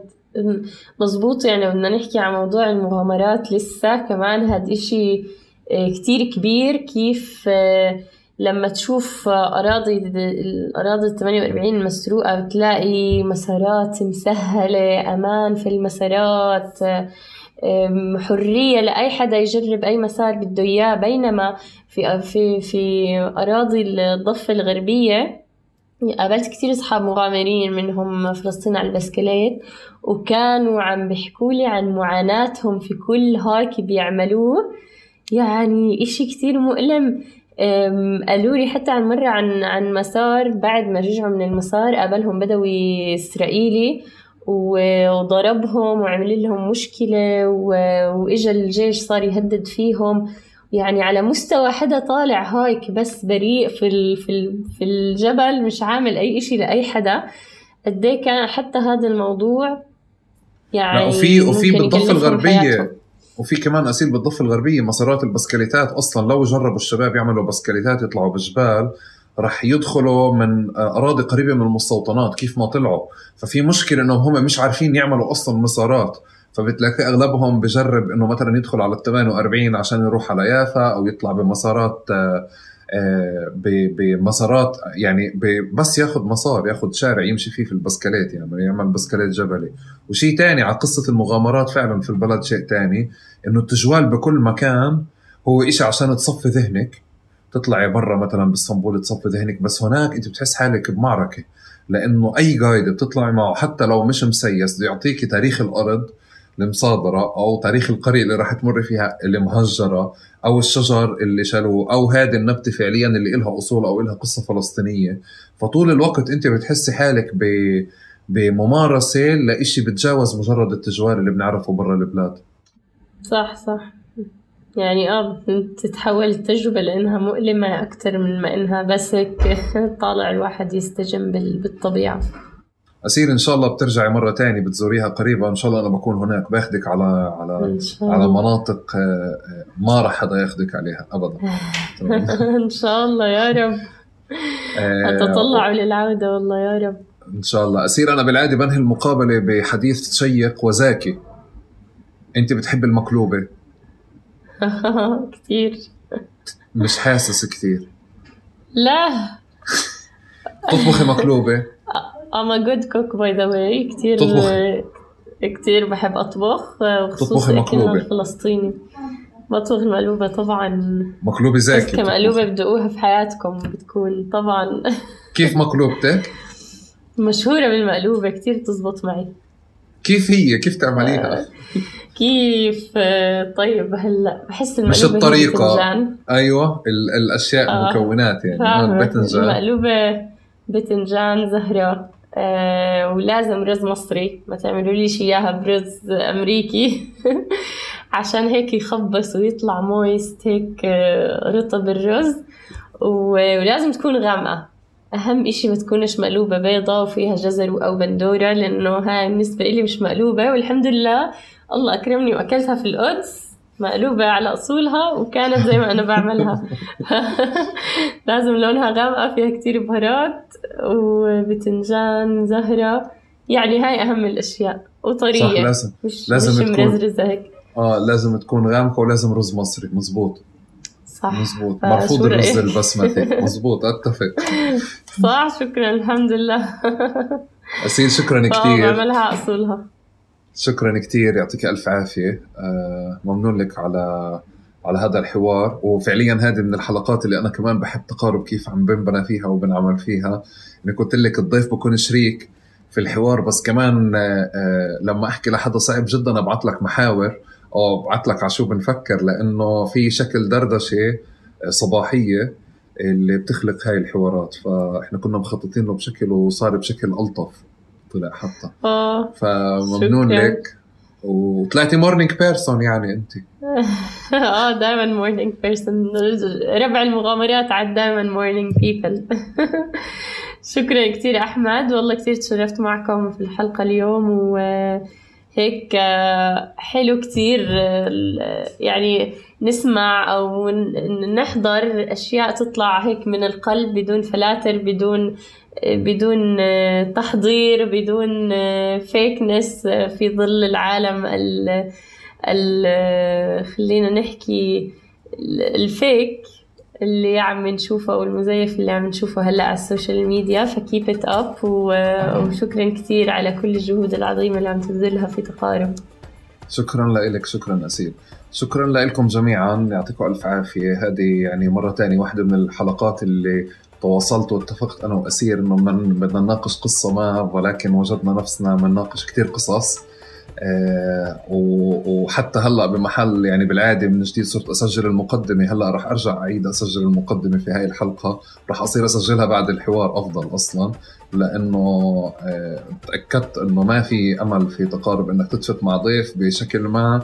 وتكمل معاه الحوار بكيف هو لأنه هيك عاداتنا وهيك إحنا بنتقارب وهيك بنحكي مع بعض في بيوتنا وصالوناتنا.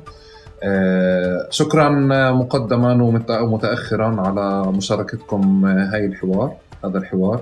بسعدني آه، وشكرا لكم مرة ثانية وثالثه على مشاركتكم مقترحاتكم أفكاركم أسئلتكم عن فلسطين أو أي مواضيع بتشغلكم لها علاقة بفلسطين أو غير أو الفلسطينيين في كل مكان.